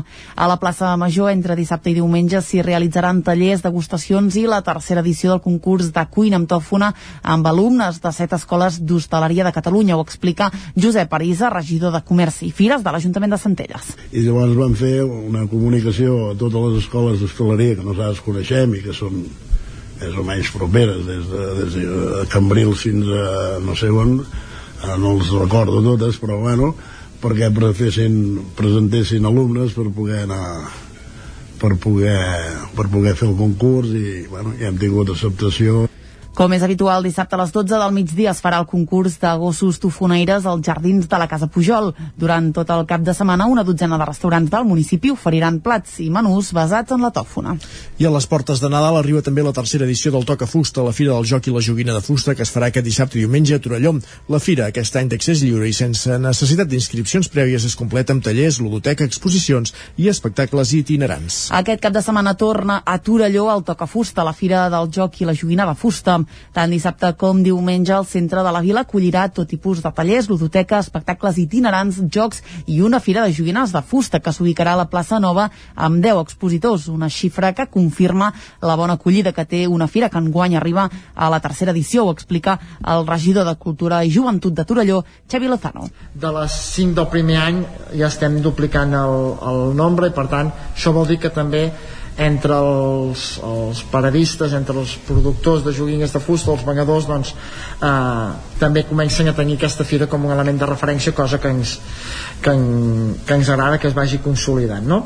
Durant la presentació de la fira que es va fer al Museu de la Torneria des de l'Ajuntament van deixar clara l'aposta pel tocafusta i van remarcar que tenen la voluntat de potenciar-la encara més per aconseguir que es converteixi en un referent. Marcel Ortunyó és l'alcalde de Torelló. És una, una proposta que, que és jove encara, és la tercera edició i l'any passat a més a més molt, molt limitada però que, que ha de poder créixer i créixer en tots els sentits, eh? amb, amb visitants però també eh, a l'hora d'anar trebant aquest, aquesta personalitat que, que té la fèria lligada doncs, a, a, això, a la identitat de, de Torelló i, i, i el fet aquest doncs, de la reivindicació de la joguina sostenible i, i que tot això eh, quedi ben trebat amb, un, amb una imatge que, que, que faci que aquesta fira sigui un referent més de les manifestacions que tenim a Torelló. A part de la mostra de joguines del Tocafusta, arriba amb altres activitats com espectacles itinerants o un taller de construcció de joguines de fusta a la plaça Nova. També hi haurà ludoteca, demostracions de torneria i a la plaça Verdaguer s'hi podran veure els resultats de la segona edició del taller Recrea, un projecte formatiu que té l'objectiu de dissenyar, construir i exhibir instal·lacions d'arts de carrer. El Tocafusta obrirà portes dissabte a dos quarts d'onze del matí i comptarà amb activitats fins diumenge a les 7 del vespre.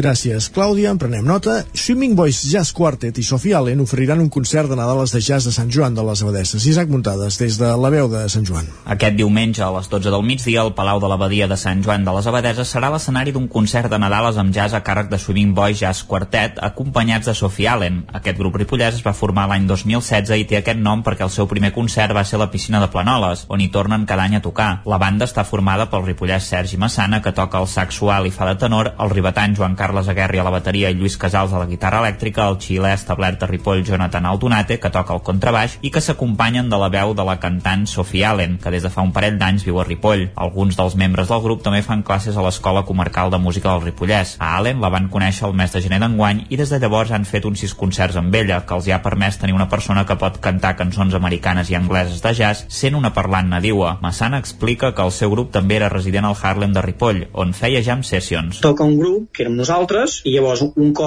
s'han tocat 5 o 6 cançons o algunes més, s'obre a que els de més puguin tocar amb nosaltres. És a dir, gent que siguin músics i que conegui una mica el repertori, ja sigui de jazz o de funk, depèn de la temàtica que fos llavors, doncs es pugui incorporar. L'experiència va estar bé, però bueno, hi anàvem molt, després hi una menys, i després hi anàvem una mica menys. Massana afirma que el públic s'ho passava bé, però que costava trobar-ne de nou perquè a la gent li és difícil anar a concerts d'un grup que no coneix prèviament. Al concert de Sant Joan, la banda oferirà una selecció de Nadales, tant angleses com tradicionals catalanes, passades per les instrumentacions i els ritmes de jazz. Podem escoltar un fragment de l'Hora dels Adeus cantat per Sophie Allen per acabar. És l'hora dels adeus i ens han de dir adeu-siau. Germans, dam-nos les mans, Senyor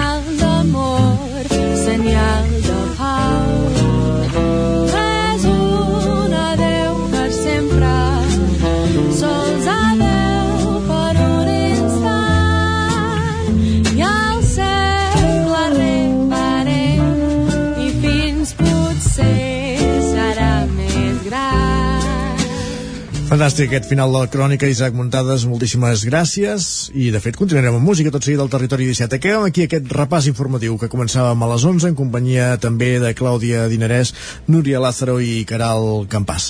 Falta un minut perquè siguin un quart de 12 i al Territori 17 continuem tot seguit, com dèiem, amb més música, amb música, amb un dels 10 millors discos de la història segons el criteri del nostre eh, crític musical o, o, o lletraferit musical que ens acompanya cada... melòman musical que ens acompanya cada setmana al territori 17 que és en, en Jaume Espuny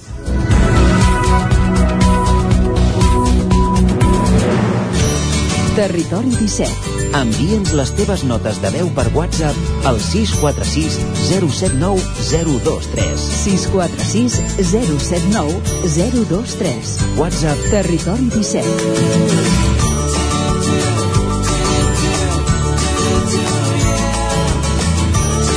Territori 17. Som a Facebook, Twitter i Instagram amb l'usuari Territori 17.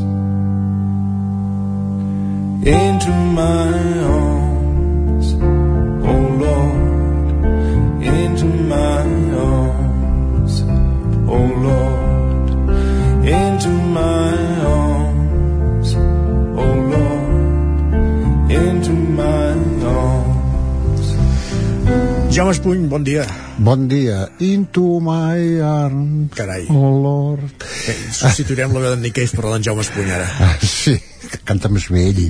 Uh, sí, bueno, allò que deies de la, la llista aquesta de que tothom fa llistes, jo he fet aquesta eh, els 10 millors discos per mi per mi, perquè segur que ningú coincideix, eh, tothom coincideix en cap dels discos eh, de la història del rock i avui doncs portem eh, el Nick Cave, sí, el número 6 uh -huh. de Bon Man's Call que sí. més o menys es podria traduir com el crit del barquer o alguna cosa així i aquest disc de, l'hem d'escoltar compungits mirant a terra i, i anar escoltant perquè són, és eh, tot cançons d'amor melancòliques de melancòliques, d'amor d'amors torturats, això sí eh? però sonar sona molt bé sona molt bé, sí, sí, sí.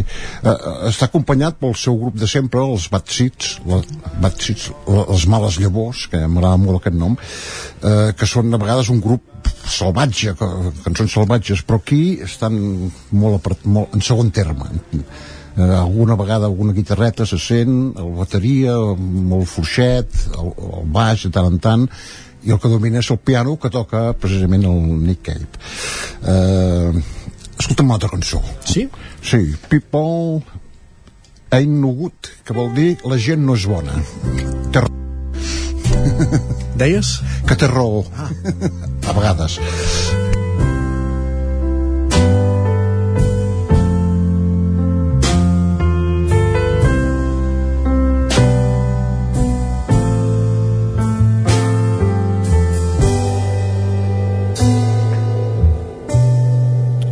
People just ain't no good. I think that's well understood. You can see it everywhere you look. People just ain't no good. We were married.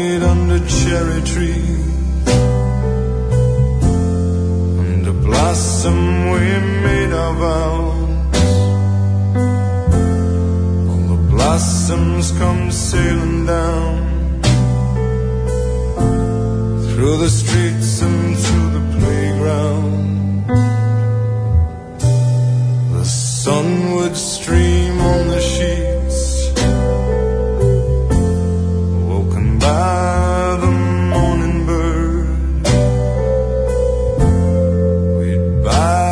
Sunday newspapers,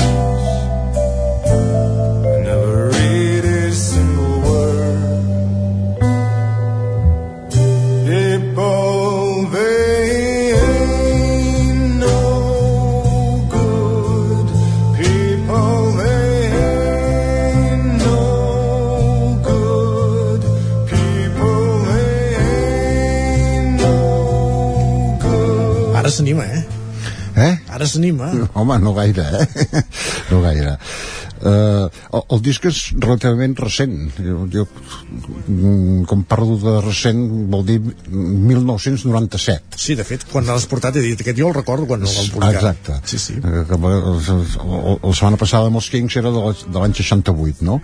Eh, el 1997 eh, havia tret l'any abans a veure, una, una gran, uns grans èxits no té el Nick Cave, però sí que té... No?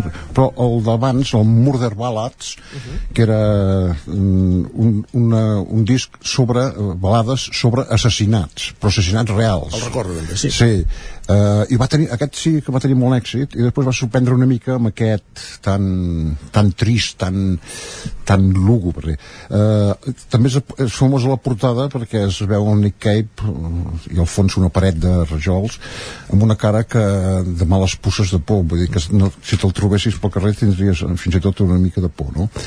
Uh, ara escoltarem una cançó que ens diu Idiot Prayer, mm, que més o menys és, bueno, és, és pregària idiota que mm, l'any passat va treure un disc eh, amb aquest nom, Idiot Prayer perquè és un, va fer un concert en línia eh, per internet, com que amb això del, del coronavirus no es podia gaire eh, el, el Alexander Place de, de, de Londres, que és un edifici històric que s'hi fan actes culturals i tot això ell sol amb el piano i bueno, ja per córrer eh, s'havia de pagar, això sí, per, per veure'l però després va sortir el DVD i va sortir el CD i doncs eh, aquest, eh, aquesta cançó que sentirem ara és el, el tornar, la cantava en directe allà mateix i és el títol del disc de, de l'any passat uh, Idiot Prayer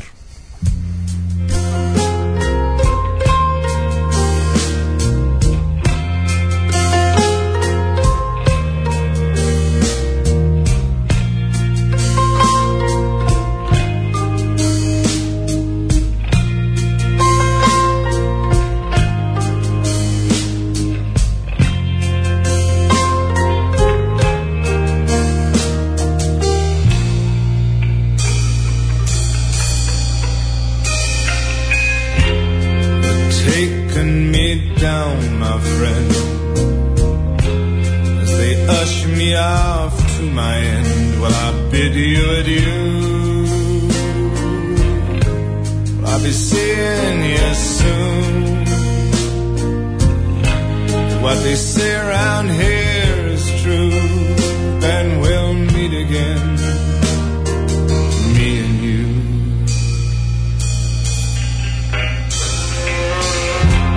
My time is at hand, my dove. They're gonna pass me to that house above. Is heaven just for victims, dear? Where only those in pain go. Anar repassant el Boatman's Call de Nick Cave. Nick Cave. Dels millors 10 discos de la història del rock, segons Jaume Espuny, en la posició número 6, aquest. Ah, exactament. I eh, és molt, és molt bonic, no?, aquest disc. I tant, que és bonic. És molt mac.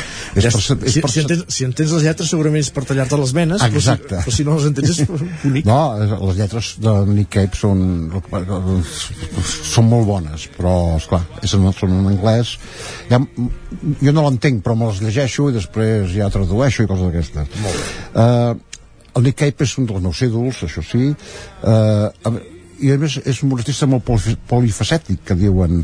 Eh, té dos discos amb el grup Grinderman que són, és ell i dos o tres més Uh -huh. que eh, allà deixa anar tota la bilis i són molt potents, molt elèctrics.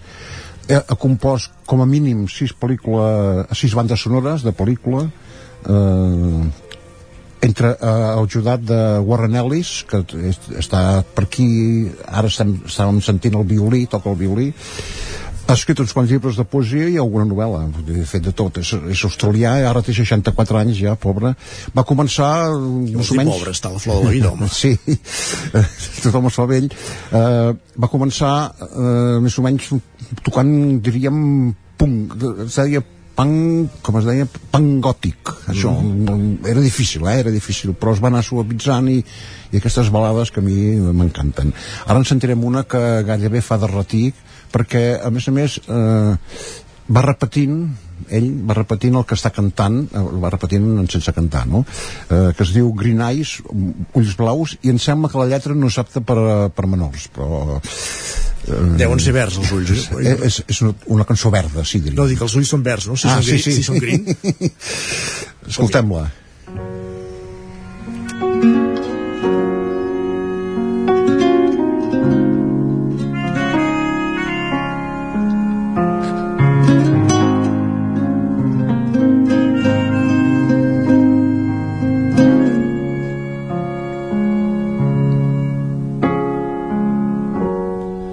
Kiss me again. Kiss me again, Re-kiss me. re-kiss me, Kiss me. then kiss me. Slip your Slip your frigid hands beneath, my beneath shirt. my shirt. This useless, This useless old fucker with his twinkling cunt twinkling cunt doesn't doesn't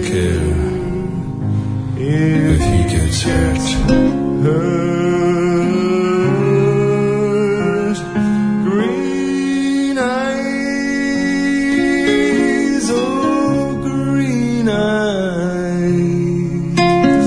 Les dues veus les fa ell, home? Sí, les dues veus el, el, mm, amb els discos poden fer virgueries No, evidentment, sí, sí. sí, sí. Doncs Però ho deixem aquí. aquesta cançó m'encanta eh? És bona, és bona, és maca, és maca. Ho deixem aquí, tornem la setmana vinent, que serà l'últim programa de l'any. Ah, exactament, i vindrem més contents Perfecte. més alegres Doncs fins aleshores, bona setmana. I molt bé, gràcies igualment. Doncs amb Miquel arribem a la pausa publicitària. 3 minuts i tornarem amb la recta final del Territori 17. R3 a foc lent i l'agenda del cap de setmana. Fins ara mateix. El nou FM, la ràdio de casa, al 92.8. A Corretja tenim tot el que necessites per la teva llar. Tot tipus de paviments i revestiments, sistemes d'aïllament, cobertes, parquets, aixetes, ferreteria, pintures, fixació i cargoleria, vestuari i material de seguretat. Disposem de més de 3.500 metres quadrats d'exposició amb una nova zona exterior d'aïllaments. A Corretja som especialistes en cuines i banys. Us assessorem, dissenyem i realitzem el projecte des de l'inici fins a la fi del muntatge. 100% cuines, 100% banys. Al carrer Mas Vigues 8 de Vic, a corretja-sl.com o a Instagram. 100% materials per la construcció i la decoració. 100% corretja. Corretja us desitja unes bones festes. Cefosol, centre de formació de soldadura GURB. Som especialistes en processos de soldadura. Disposem d'instal·lacions totalment equipades per classes de teòrica i pràctica amb cabines individuals i equipaments de seguretat. Assessorem empreses i oferim cursos subvencionats i bonificats. Vine i t'informarem. Cefosol, som al carrer Sant Roc número 21 de GURB. Telèfon 664 206 192. També ens trobaràs a cefosol.com i a YouTube. Per a qui seria perfecte aquest piano de jugueto? Per a nens que donin la nota. I aquest maletí de pintura? Pels que volen pintar alguna cosa a la vida. Jugar és viure. I viure és jugar. Vine a la teva botiga Juguetos i emporta't el catàleg de Nadal. Juguetos. Queda molt per jugar. Juguetos. El racó de León. Gaudeix de la nostra terrassa. Vine a tastar les xuletilles de lechal a la brasa amb una bona amanida o el xuletón de vedella gallega. No et pots perdre el nostre lechado de Castilla al forn o el cochinillo a l'estil de Segovia. Tot acompanyat del millor celler, al menjador o fora la terrassa. Descobreix la millor cuina de Lleó sense moure't de casa. Vine amb la família, els amics, la parella o sol. T'encantarà. El racó de León, cuina tradicional lleonesa i de mercat. Som al carrer Torelló número 35 de Vic. Per reserves, telèfon 93 889 1950. El racó de León, una cuina diferent. Som especialistes en cargols a la llauna. Vine a tastar-los al racó de León. Saps què és el confort intel·ligent? És tenir un terra radiant Giacomini a casa. Benestar que no es veu, però es nota tot l'any. I que pots controlar a distància des del teu mòbil, estalviant energia i diners. Suma't al confort intel·ligent amb Giacomini. Informa't a giacomini.es o truca al 93 884 1001 i t'ajudarem a tenir un terra radiant a casa o a l'oficina. Giacomini, la climatització que et mereixes. El nou FM, el nou FM, el nou FM, el nou FM, el nou FM. Territori 17. A Tren d'Alba. Cada dia els usuaris de la línia R3 de Rodalies que veuen sortir el sol des d'un vagó ens expliquen les gràcies i les penes del primer comboi que uneix Ripoll i Barcelona. Benvinguts a Tren d'Alba. Des del col·lectiu Perquè no ens fotin el tren es queixen que la política de territori i sostenibilitat pel Vallès Oriental no és gaire sostenible i és dolenta pel canvi climàtic perquè no aposta per la descarbonització, sinó per construir més autovies i retallar més trens de l'R3. I és que a banda del que ja hi ha s'hi preveuen tres megaprojectes més, els laterals de l'AP7, l'autovia interpolar C35 i la perllongació de la C33. El resum és que com més autovies, més es multiplica el volum de trànsit i més augmenta la contaminació. Va, escoltem què ens explica en Carles Bassaganya a la crònica d'avui. Bon dia al matí. Avui de nou hem tornat a agafar el nostre estimat tren bala. El matí amb sortida a l'estació de Ripoll a les 7.18, tot i que hem sortit aquests 6-7 minuts més tard i hem arribat doncs ara ja a Barcelona amb, amb aquests també 10 minuts de tardar. És curiós perquè aquesta setmana he hagut d'agafar trens a diferents hores, amb la mateixa línia però a diferents hores. El que jo habitualment agafo és aquest al matí per, per arribar a la feina, però algun dia l'he agafat a mig de matí, no? I una cosa que, que he constatat i que és divertit també de mirar és com que envia també el paisatge el paisatge humà, o sigui, les persones segons una mica els dies que i les hores que agafem el tren. Dies que agafes eh, el tren una mica més tard perquè precisament doncs, eh, els horaris són diferents i et trobes doncs, persones diferents fent coses diferents i canvia totalment això que deia, aquest ecosistema, aquest paisatge. No? Me'n vaig adonar doncs, que més eh, gent gran es fer gestions mèdiques o gent aquests dies especialment a baixar a Barcelona per comprar, mentre que el tren que jo agafo habitualment doncs, és més gent endormiscada entrant a treballar o volent anar a treballar doncs, a Osona o, o a Barcelona, com, com en el meu cas i en altres. No? Per tant, com d'alguna forma canvia el paisatge urbà, com canvia la cara, com canvia també segurament eh, l'estat d'ànim, canvia molt si es va a treballar o canvia molt si es va a consumir o a fer oci. Bé, hem fet un nou trajecte, com us deia, aquests eh, 10 minuts de rigor de tard del nostre estimat tren bala de, de la Rodalies 3. Res més, fins a la propera. Adéu-siau. Jo el que tinc ganes és de no veure sempre la mateixa gent i de fer vacances uns dies, que ja s'acosta el Nadal i cada ovella li toca anar al seu corral. Va, en retrobem dilluns amb més històries del tren i de l'R3. Territori 17. El 9 FM, la veu de Sant Joan, Ona Codinenca, Ràdio Cardedeu, Territori 17. Tres minuts que passen de dos quarts de 12 al territori 17, moment de, de la foc lent, de la secció de cuina. Abans, però, anem fins a, als estudis un moment d'Ona Codinenca amb la Caral Campàs per actualitzar aquell, aquell accident que, que dèiem a la C-59 eh, a les 11, que finalment eh, sí que hi havia retencions a la carretera, però no era precisament per un accident, oi, Caral? Bon dia de nou. Ah, bon dia de nou, doncs exactament no hi havia un accident però sí que hi ha unes obres en una casa particular al centre urbà on les totxanes envaeixen part de la calçada ah, i era un obrer qui marcava el pas dels vehicles. Tot i això, trànsit sí que tenia notificat com un accident però perquè s'està retirant en aquests moments el cotxe volcat d'ahir? No en aquesta zona però sí en el seu pas per la C59 per tant hi ha hagut aquest eh, error d'informació, uh, però sí que hi ha retencions per aquestes obres Obres. que hi ha en aquesta casa particular. Per tant, no era un accident, sinó una incidència. Gràcies, Caral, doncs, per fer-nos aquest apunt. Parlem d'aquí una estona a l'agenda. Fins ara. I ara, com sí, com dèiem, anem a la Foc Lent a parlar de cuina.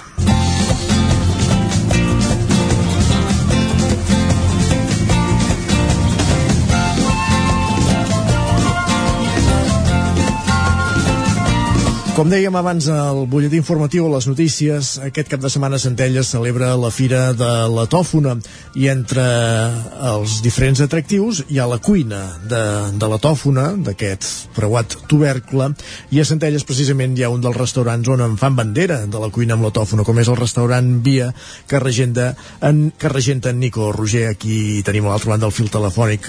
Nico, bon dia. Hola, bon dia.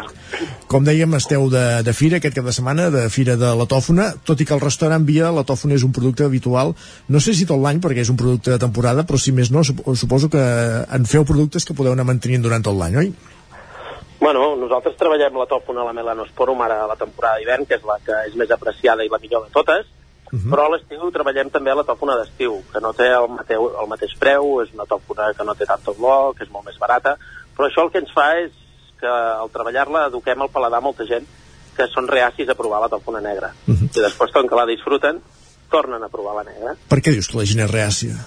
perquè hi ha gent que diu que fa un olor com a gas, que fa mal olor, i jo crec que també, més que res, també han tingut males experiències en llocs, no? que han provat la tòfona i potser no han provat la tòfona que havien d'haver provat ni de la manera que l'havien d'haver provat. Doncs va, la tòfona al plat, com la servim? Quin, quin, quins, quines maneres de, de treballar-la teniu a- al restaurant Via? A nosaltres ens agrada treballar sempre amb calent, perquè la tòfona sempre amb, amb calent dona, dona aroma, saps? Posar-ho sempre sobre un plat calent. Després també, el que és molt important, doncs, és impregnar els productes amb, amb el sabor a tòfona, val? I llavors eh, tots, els, tots els productes que són grassosos, que, eh, greixosos i, i porosos, doncs, ho absorbeixen molt bé. En aquest cas l'ou és perfecte, perquè és una cosa que tothom tenim a casa i que ho podem fer molt fàcil i amb l'ou es poden fer infinitats de plats. Pot ser una truita, pot ser uns ous ferrats, pot ser un, un, ou, un ou potxer, un ou a baixa temperatura, i sempre ho pots acompanyar de diferents, de, de diferents guarnicions, no? Pots fer una cansaladeta, un uns dauets de cansaladeta, una miqueta de foie, uns pinyons d'aquí del país, sobretot perquè, perquè tinguin gust, ja que treballes amb bon producte. Llavors, tot això ho pots, amb, amb aquests productes pots fer uns plats brutals.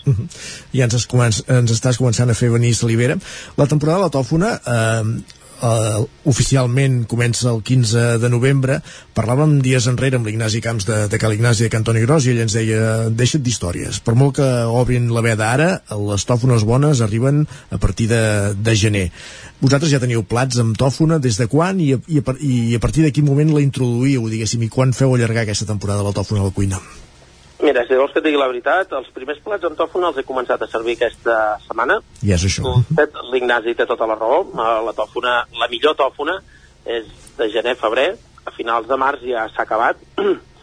Però eh, no vol dir que no en trobem de bones. Nosaltres tenim sempre tòfona silvestre. Eh, és, és tòfona d'aquí, de la zona. Jo no compro mai a fora. No per res, sinó perquè mm, ja que la tenim aquí local, doncs me la porten directament. Llavors, clar, eh, aquest any va una mica adreçada, eh?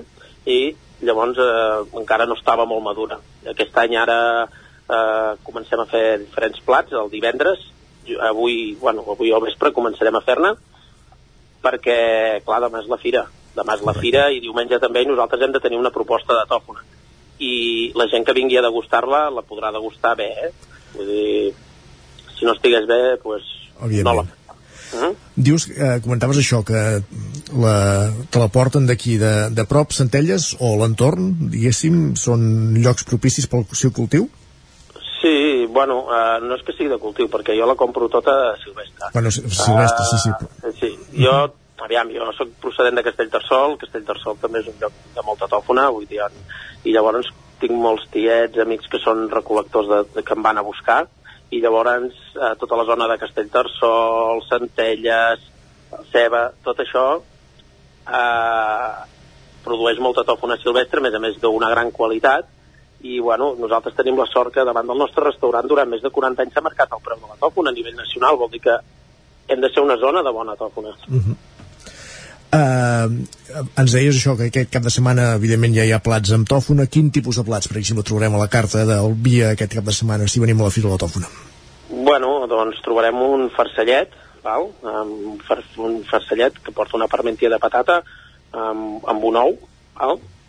llavors trobarem un que vam presentar també al Trofòrum l'any passat, que és molt xulo, que és un ou a baixa temperatura, uh -huh. amb cancel·lada d'alcohol, amb foie, bolets, que ara mateix tinc un rovelló i un cep saltejadet, i llavors fem una sopeta de ceps i ratllem la tòfona pel damunt. Després fem un canolo de cochinillo amb una beixamel truf trufada. Uh -huh. Llavors també trobarem eh, un postre, un postre molt xulo que hem fet de tòfona, que no vull dir de què és, perquè vull que vingueu a veure'l, els podeu veure per l'Instagram que he penjat una foto fa res, fa 10 minuts, del postre, i, eh, bueno, nosaltres el que anem fent és, anem afegint plats depenent del producte de temporada que tenim. Ara començaran a arribar d'aquí un temps els pesos de llavaneres, farem coses amb els pesos, llavors també fem truites obertes, és que no fem un menú un menú tancat perquè si no estem obligats a tenir cada dia els mateixos plats i nosaltres al Via som un restaurant petit amb set taules amb una clientela que ve a disfrutar i a gaudir del menjar llavors a mi el que m'interessa és anar, anar canviant els plats perquè no sempre trobin el mateix uh -huh. Durant do, aquests propers dos, tres mesos el que sí que hi haurà és això, plats amb producte de temporada i entre aquests productes de temporada acompanyats amb la, amb la, amb la tòfona a la fira hi participes d'alguna manera a, a part de, del que és la, la funció del restaurant? Fa, fas alguna demostració? Bueno, no, en aquesta fira estic, bueno, com amb, amb l'Ignasi, estem amb el de Cal Ignasi i amb el, amb el Nietchel uh -huh. i amb una altra cuina local, em sembla. Uh, estem aquí uh, de jurat en el concurs de joves cuiners. Molt bé.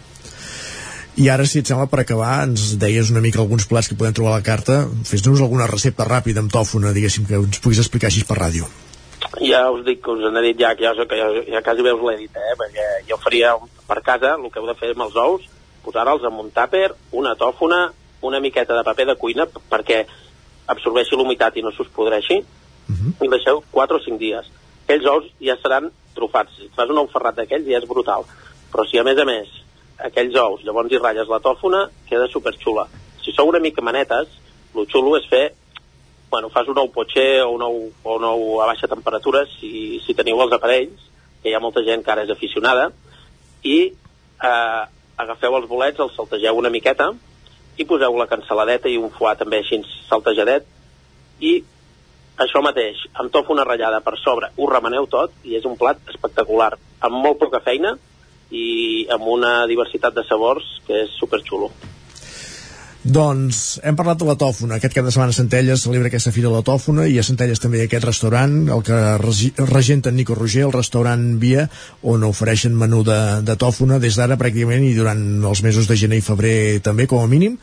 Uh, sí. moltes gràcies per ser avui amb nosaltres al Territori 17 a parlar de la tòfona, a parlar de, de cuina i ja si ens veiem alguna hora degustant aquests plats. Ja ho sabeu, aquí estem i esperem que vingueu a, a provar-ho. Gràcies, Nico, bon dia. Bon dia. Uh, bon dia. Acabem la foc lent, però el territori 17 continua. Anem per l'agenda. Territori, territori 17. Territori 17.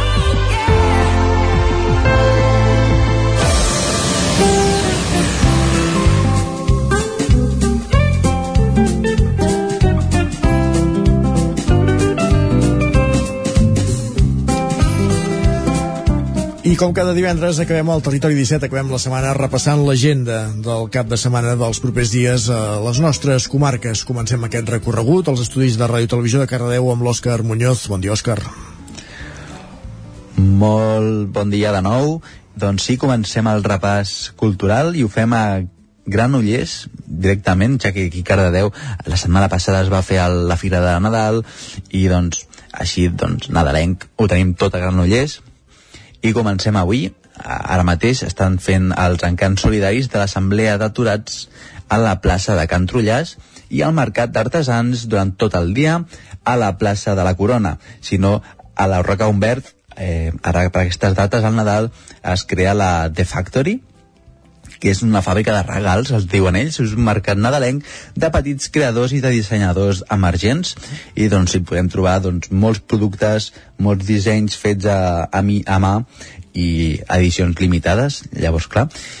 I doncs això, podem trobar doncs, moda, joguines, eh, complements, eh, tèxtils, motxilles, una miqueta de tot per aquestes dates per buscar si encara no teniu aquest detallet eh, que hi podreu regalar doncs aquí és, una bona és una bona fira doncs, per buscar el que estàs buscant. I si no doncs ens anem cap a dissabte que tenim les, al Mercat de Brocanters. Durant tot el dia a la plaça Josep Maluquer i Salvador els encants solidaris de l'Assemblea d'Aturats a la plaça de Can Trullàs i el Mercat d'Artesans d'Alimentació a la plaça de les Olles, organitzat pel col·lectiu artesà de productes naturals. En una hora després de que comenci aquesta fira es, es repartirà com el, el, brou de, el brou de Nadal a la plaça de les Olles, o sigui, a la mateixa plaça, per si voleu fer un tomb per als mercats i després fer doncs això, un, un brou pel matí per entrar en calor, doncs aquest dia a Granollers. I fins aquí el repàs eh, d'aquestes fires eh, nadalenques. Gràcies, Òscar. Eh, ens trobem dilluns. Bon cap de setmana. De la Ràdio Cardedeu anem fins als estudis d'Ona Codinenca de nou amb la Caral Campàs. Bon dia. Hola, bon dia. Tu diràs. Mira, començo pel Moianès. Aquí tenim fires i firetes. A Santa Maria d'Oló hi ha la 25a Fira de Nadal aquest diumenge on també hi ha activitats nadalenques és a Monistrol de Calders. Aquest dissabte de 10 a 2 davant de l'Ajuntament hi haurà paradeta de Nadal per la Marató. Uh, és una paradeta organitzada pel casal L'Espiga. I tant dissabte com diumenge uh, hi haurà el pessebre vivent hi haurà passis uh, en el mateix horari eh? dissabte i diumenge de 6 a 8 del vespre al Parc del Serrat. Eh, és un pessebre vivent organitzat pel grup de teatre del centre de parroquial de Monistrol de Calders. I seguim al Moianès amb Fira Nadalenca a Collsospina això serà aquest eh, dia 18, demà dissabte. Durant tot el matí hi haurà taller de tions, també hi haurà l'exposició Planeta Terra de Clara Pallàs a la sala polivalent de l'Ajuntament. Hi haurà cantada de contes de Nadal a la plaça Major a les 11. Més tard, a les 12, hi haurà el Festival Cultural eh, Cultura Inquieta amb Cia la Creta Can Mas i a la una del migdia hi haurà concert gospel Castellcí a la plaça Major i finalment a la tarda, a dos quarts de set, eh, concert amb Stempel Bar al local social.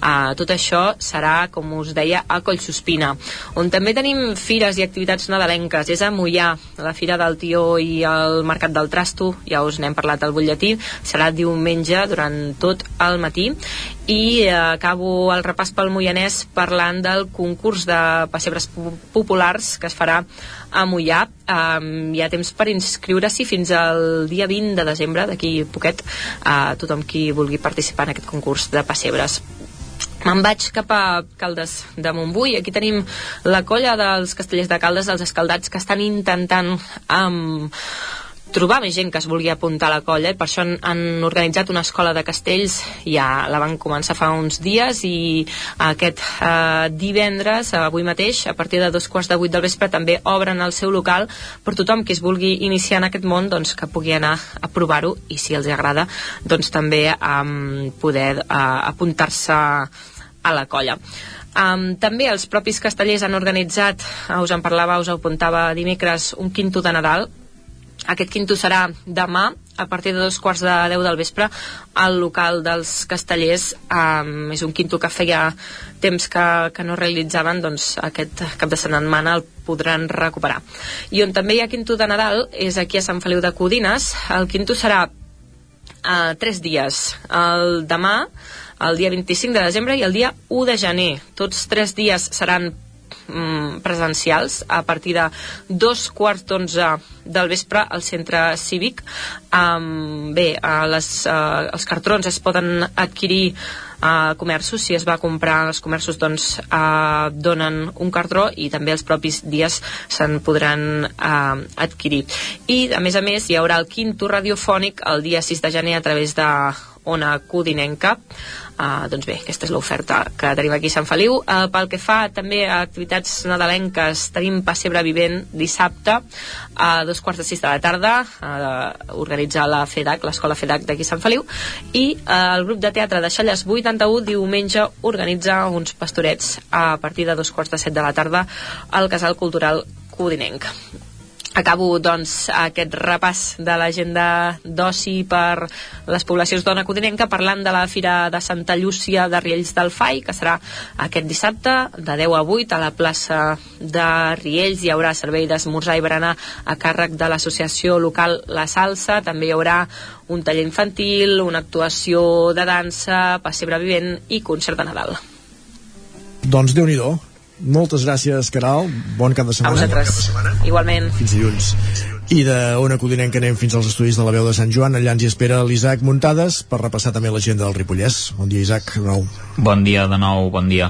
Doncs mireu, de fet pràcticament la vam repassar tota dimecres, avui hi ha poques activitats perquè la majoria doncs, eren, eren culturals i s'emmarcaven també o, o dins d'actes de, de la Marató de TV3, també n'hi ha alguna que, que no és així i, i us l'expliquem, de fet bàsicament totes relacionades amb, amb el Nadal.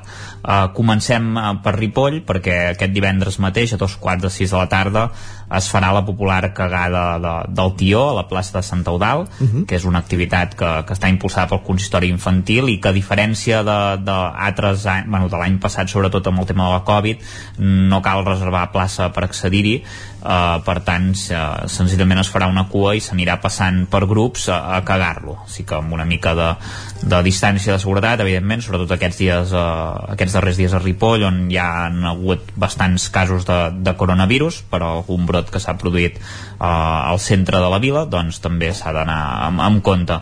Uh, després a Sant Joan de les Abadeses aquest diumenge hi haurà un taller de pessebres, arbres de Nadal i tions organitzat per l'Institut Escola Mestre Andreu a hores d'ara encara falta saber on es desenvoluparà aquesta activitat i a quina hora es farà, encara s'ha d'acabar de, de, de decidir, encara no tenim aquesta uh, informació, suposem que també es vol també en alguns casos anar més a última hora per assegurar el tret perquè ja sabeu doncs, que estem en una situació complicada i hi ha activitats que se suspenen en, en pocs dies de diferència. I en aquest cas, eh, diumenge sí que en aquest cas sí que ja se sap l'hora i el dia eh, també hi haurà cagada popular del tio a Can de Bànol a les 6 de la tarda amb un berenar de coca i xocolata a la plaça de Vall de Mosa i tot seguit a la plaça de la Dansa hi haurà regals per a aquells que s'hagin eh, portat bé Uh, dintre dels actes de la Marató a Camprodon els dos dies del cap de setmana hi haurà inflables i tallers pels més menuts a la plaça uh, de Santa Maria i aquestes una mica serien les activitats, ja ho veieu, eh? bàsicament nadalenques i pels més petits a, a la comarca del Ripollès durant aquest cap de setmana. És el que toca, no? De fet. Sí, és, és el que toca, sí, sí, sí. Molt Estem bé. en un moment complicat al Ripollès. Molt bé, doncs moltes gràcies Isaac, uh, resguarda't d'aquestes complicacions i parlem a partir de dilluns. Bon cap de setmana. Igualment. Adéu. I acabem aquest recorregut als estudis del 9FM avui amb en Miquel R, com, de fet com cada divendres, per repassar l'agenda la, de, del cap de setmana, Miquel. Molt bones. Doncs sí, l'agenda així festiva del cap de setmana tindria eh, d'entrada dues fires, d'aquestes que ens agrada parlar-ne, perquè són fires eh, que acostumen a estar molt relacionades amb el territori i, per tant, que han creat una mica marques. Estem parlant de Centelles, amb la, amb la Fira de la Tòfona, uh -huh. 14a edició ja, d'aquesta proposta que es va consolidant, i eh, després us parlo també de la Fira Toca Fusta, en aquest cas més joveneta, tercera edició que es fa a Torelló. Molt bé. A Centelles, eh, quan dura la fira? Dissabte i diumenge, dissabte tot el dia, diumenge matí, i és aquesta combinació, aquest equilibri que han fet amb, amb un gran pes específic també per la gastronomia. Eh, aquest any, per exemple, destacaria dos dels noms que participen en tallers, com Carles Gaig, eh, durant molts anys amb Estrella Michelin, i segurament un dels pares gastronòmics del mateix Nando Jovany i, i el pastisser David Gil de Cantoni que també eh, ha estat treballant molts anys a, a restaurants com el Tickets eh, portant tot el, el cap de pastisseria d'aquest restaurant també estrellat. I per tant eh, una mica la combinació de, de, de que són propostes de tallers amb el que és pròpiament la fira amb la tòfona, diguéssim, com, com a reina i com a protagonista. Recordem-ho, un, un producte que el, per, des del 15, que es pot recollir des del 15 de, de novembre i, Correcte. Fins i la 15 de temporada fins al 15 de març. Ara parlàvem però amb en Nico Roger del guia i ens ho deia, eh? ens insistíem que les tòfones bones es comencen a trobar ara. Correcte, correcte. Ara, Que precisament és el que marca aquesta fira, el punt de partida. Eh, seria una mica el punt de partida.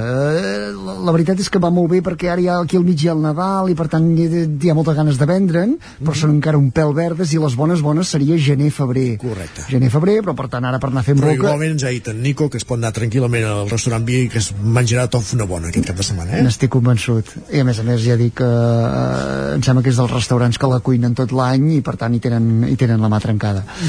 Fira per ambientar-nos en el món de la tòfona a Centelles i del món de la tòfona pensem al, al, al món del joc de fusta, a Torelló. Una altra, una altra proposta nascuda així, buscant, diguéssim, algun, alguna temàtica que, que, que es vinculi amb l'arrel del municipi, en aquest cas sabem, eh, tota la, La vinculació amb la torneria i per tant una proposta també molt tip, molt, molt, molt apropiada per les dates, eh, les dates prèvies a, al Nadal i per tant al joc, a la canalla aquest any eh, mantenen respecte a l'any passat, l'any passat va ser un any amb moltes restriccions a Torelló, que es va, hi havia, també hi havia cita prèvia, aforaments molt limitats, per tant va quedar molt acotada. I ara en canvi eh, mantenen aquesta filosofia de repartir totes les activitats per, per totes les places eh, i placetes del centre històric però al mateix temps sense necessitat de, de diguéssim, de, sense tant control malgrat que la pandèmia està com està però recordem-ho, tot és a l'aire lliure excepte un parell de propostes que es fan a la biblioteca i què hi trobarem? Doncs, doncs una mica això. Hi ha tallers, hi ha, hi ha activitats de- d'animació, hi ha propostes per jugar a la canalla. Per tant una fira ja dic que també amb possibilitats que vol anar creixent de mica en mica i, que- i que es vol anar, fer, anar fent un lloc diguéssim en, en l'imaginari d'aquestes festes prenadalenques més cosetes d'aquest cap de setmana. Estem parlant de Nadal, per tant hi ha un parell de propostes imprescindibles. Una que aquest any compleix 50 anys de vida, el pessebre vivent d'Osona, que es fa a Tona, a la falda del castell de Tona, precisament pel context de pandèmia aquest any arriba amb, amb novetats notables. D'entrada només es fan dues representacions dos dies, un serà aquest diumenge i l'altre el proper diumenge dia 2 de gener. Sí. I a més a més, que tampoc es havia fet fins ara amb, amb, seran versions diurnes del pessebre, sempre es feia a partir de les 6 del vespre quan ja fosqueja eh, amb, Jugar amb la il·luminació, amb la sí. il·luminació, jugar amb el fred eh, poder, ara no n'hi haurà tant però en canvi per evitar allò que es feia amb grups i amb escenes doncs, amb diàlegs que obligava la gent a concentrar-se en moments molt concrets ara la gent anirà entrant, aniran passejant també hi haurà més interacció amb els mateixos actors eh, també hi haurà la possibilitat d'accedir i passejar per les mateixes instal·lacions recordem que durant aquests 50 anys s'han anat creant com unes estructures estables al voltant de la, de la falda que, que, que formen diguéssim part d'un escenari ja fix i per tant també serà una manera diguéssim que els visitants podran anar passejant, entrar per dins, interactuar amb els i, i evitar aquesta, o sigui, que sigui més un, un passebre vivent de pas, no? que la gent vagi passant i vagi sortint. Això serà aquest diumenge de 11 a 1 i repeteixo, pel que no pugui, el dia 2 de gener també de 11 a 1 serà una edició especial, però la del 50è aniversari.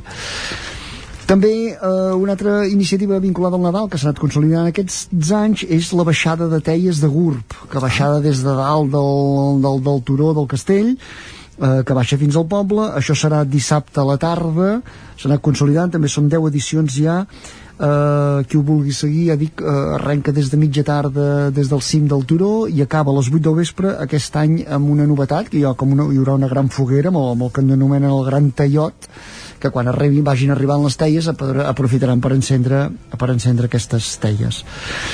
Una altra fira, última ja, eh, ja vaig acabant, cinquena edició de la Fira del Disc de Santa Eugènia, petita, una, una, una, edició, una de fira petita però que, que, que va resistint encara amb aquest homenatge al, al vinil eh, i el disc que, que, que es- hi, ha, hi ha molts col·leccionistes que estan disposats a no deixar que mori i per tant això cita a Santa Eugènia serà tot dissabte, durant tot el dia es pot visitar el gimnàs de l'escola i al vespre hi haurà amenització eh, a través de, de DJs Perfecte, doncs moltíssimes gràcies, Miquel, per acostar-nos tota aquesta agenda d'activitats aquest cap de setmana a la comarca d'Osona. perfecte, abrigueu-vos però no plourà, no patiu Això és veritat, tenim anticicló. Bon cap de setmana. Bon cap de setmana, gràcies. I un últim punt abans d'acabar, i és que el Departament de Salut ha fet públic que els contactes estrets hauran de tornar a fer quarantena, encara que estiguin vacunats, eh, per evitar, doncs, per, tornem a les, aquelles mesures per, per evitar la propagació del virus, i més ara amb l'arribada de la variant Omicron. Ho ha anunciat el conseller de Salut Josep Maria Argimon fa pocs minuts. Com dèiem, els contactes estrets hauran de tornar a fer quarantenes de 10 dies. Dit això, arribem a la recta final, arribem al final del Territori 17 d'aquest divendres 17 de desembre. Us hem acompanyat des de les 9 del matí Guillem Freixa, Jordi Vilarrudà, Pepa Costa, Isaac Muntades, Caral Campàs, Guillem Sánchez, Núria Lázaro, Jaume Espuny, Òscar Muñoz, Miquel R, Clàudia Dinarès, Jordi Sunyer i Isaac Moreno. Us desitgem de tot cor un bon gran cap de setmana, un bon cap de setmana i tornarem dilluns a la mateixa hora, a partir de les 9. Aquí estarem. Que vagi molt bé.